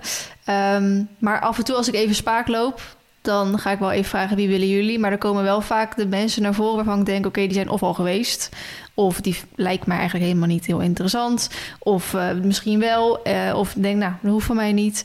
En, maar ik, ik doe, vind het ook wel fijn om nu steeds meer in mijn eigen netwerk rond te gaan vragen. Eh, Op zich, mijn, mijn, mijn kerndoelgroep, die heb ik allemaal ondertussen wel gehad. Zeg maar. Die zijn al een keer langs geweest. Nu ga ik naar buiten kijken. Oh, die heeft een advocaat als partner. Dat is leuk om een keer naar voren te laten komen. Nou, een docent van de stagiair is leuk om een keer te doen. Ja. Nou, die van die is een keer leuk om te doen. En zo kom je wel soms met verrassende gasten. Maar ik moet zeggen, qua luisteraantallen maakt het niet zo heel veel uit wie ervoor zet. Nee, oké. Dat vinden ze eigenlijk allemaal wel leuk. Oké. Ja, tenzij vaak iemand echt niks met paarden heeft. Ik heb ja, bijvoorbeeld, kan ik gewoon eerlijk zeggen... ehm, ik heb een samenwerking met een eh skincare bedrijf. Eh, toen heb ik dus iemand daarvoor een keer voorbij laten komen. En kijk, weet je, als jij zelf ook problemen met je huid hebt... dan was een hele interessante podcast. Mhm. Maar als je zelf dat of niet hebt... of gewoon totaal geen interesse in hebt... dat hebben de luistercijfers wel laten zien. Dat is wel een van mijn slechtst beluisterde podcast. Eh, terwijl als ik bijvoorbeeld een podcast met Esmee, hè, die vriendin... En mijn zus, mijn zus en Esme hebben allebei in een burn-out gezeten... om allebei andere redenen. Een van de best beluisterde podcasts. Die gaat volgens mij richting de 20.000 of zo. Omdat ze echt zoiets hadden, ja, dat vinden we interessant om te horen. Ja. Een stukje familie en een stukje eh, dat het leuk zo met z'n drieën is. Dus Dus daar leer jij dan weer van. ja, precies. Ik Nou ja, ik heb het ook met die, met die, die podcast van, ehm, eh, of, of uitzendingen van, eh, van DA. Dat ik denk van ja, weet je wel, dit gaat over een heel bekend cosmetica-merk. En eh, nou, dat moet heel veel luisteraars trekken. Het is bekend. Eh, ik heb een hele, hele bekende kapper en zo. eh, weet je wel, de leko's van deze wereld in de uitzending. Valt dan een beetje tegen. En Ja. een thema als eh, duurzaamheid bijvoorbeeld. Dan denk ik, oké, nou hier, dit moet ik echt serieus goed gaan voorbereiden. Of eh micellair water en allerlei watersoorten in, eh, in verzorgingsproducten. Nou, sky high. Ja. Dus eh, ja, ook ik leer daar nog steeds van. Ja. Maar soms is het wel verbazingwekkend dat je Ja. ook bij je eigen doelgroep erachter moet komen van... oké, wat is nou echt de trigger en wat vinden ze nou echt interessant? Ja, ik denk dat alles wat ik kies, omdat ik mijn eigen bedrijf ben, um, wel een bepaalde aansluiting heeft bij de doelgroep. Ja. Ehm, maar het is, ik leer steeds meer en meer hoe leuk ook het is om naar de cijfers te kijken. Ja. Met wat doet het nou goed en waarom doet het dat goed? Oké. En ik vind het wel belangrijk om af en toe te vragen: wat vinden jullie leuk? Maar ik wil me daar niet door laten leiden. Oké. Ben jij zelf wel eens bij een DA-drogist naar binnen geweest? ja, vast wel. nee, ja, jawel. Oké. Maar ook bij een trekpleister, ook Nou, dan bij bel ik je wel misschien een keer gewoon als, als willekeurige klant bij mij eh, eh, online in een televisieshow te zitten. Zal ik even voorbereiden om bij zes verschillende DA's naar binnen te lopen en even alles in me op te nemen? Daarom zeg ik nu alvast, Verliet. ja, ik, kut. ik weet wat me te doen staat. maar nee, het lijkt me echt superleuk eh, wat je zegt. Die vragen die ik... Heel vaak doe ik het wel.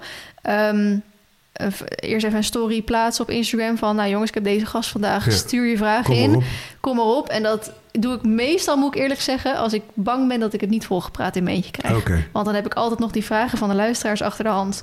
Van, nou, dat gaan we doen. En dat, dat doe ik puur omdat ik het nu een paar keer gehad heb... dat ik met gasten ben waar ik eigenlijk van tevoren al wist... dit wordt alleen maar lekker lullen. En dan had ik, zijn we al anderhalf uur bezig... en dan denk ik, ik heb ook nog al die vragen. Ja, Ja, en dan ik ja. of de podcast door twee splitsen... of inderdaad vragen, kom een keer Ja. terug. Dus dan bij deze inderdaad meer, kom een keer terug...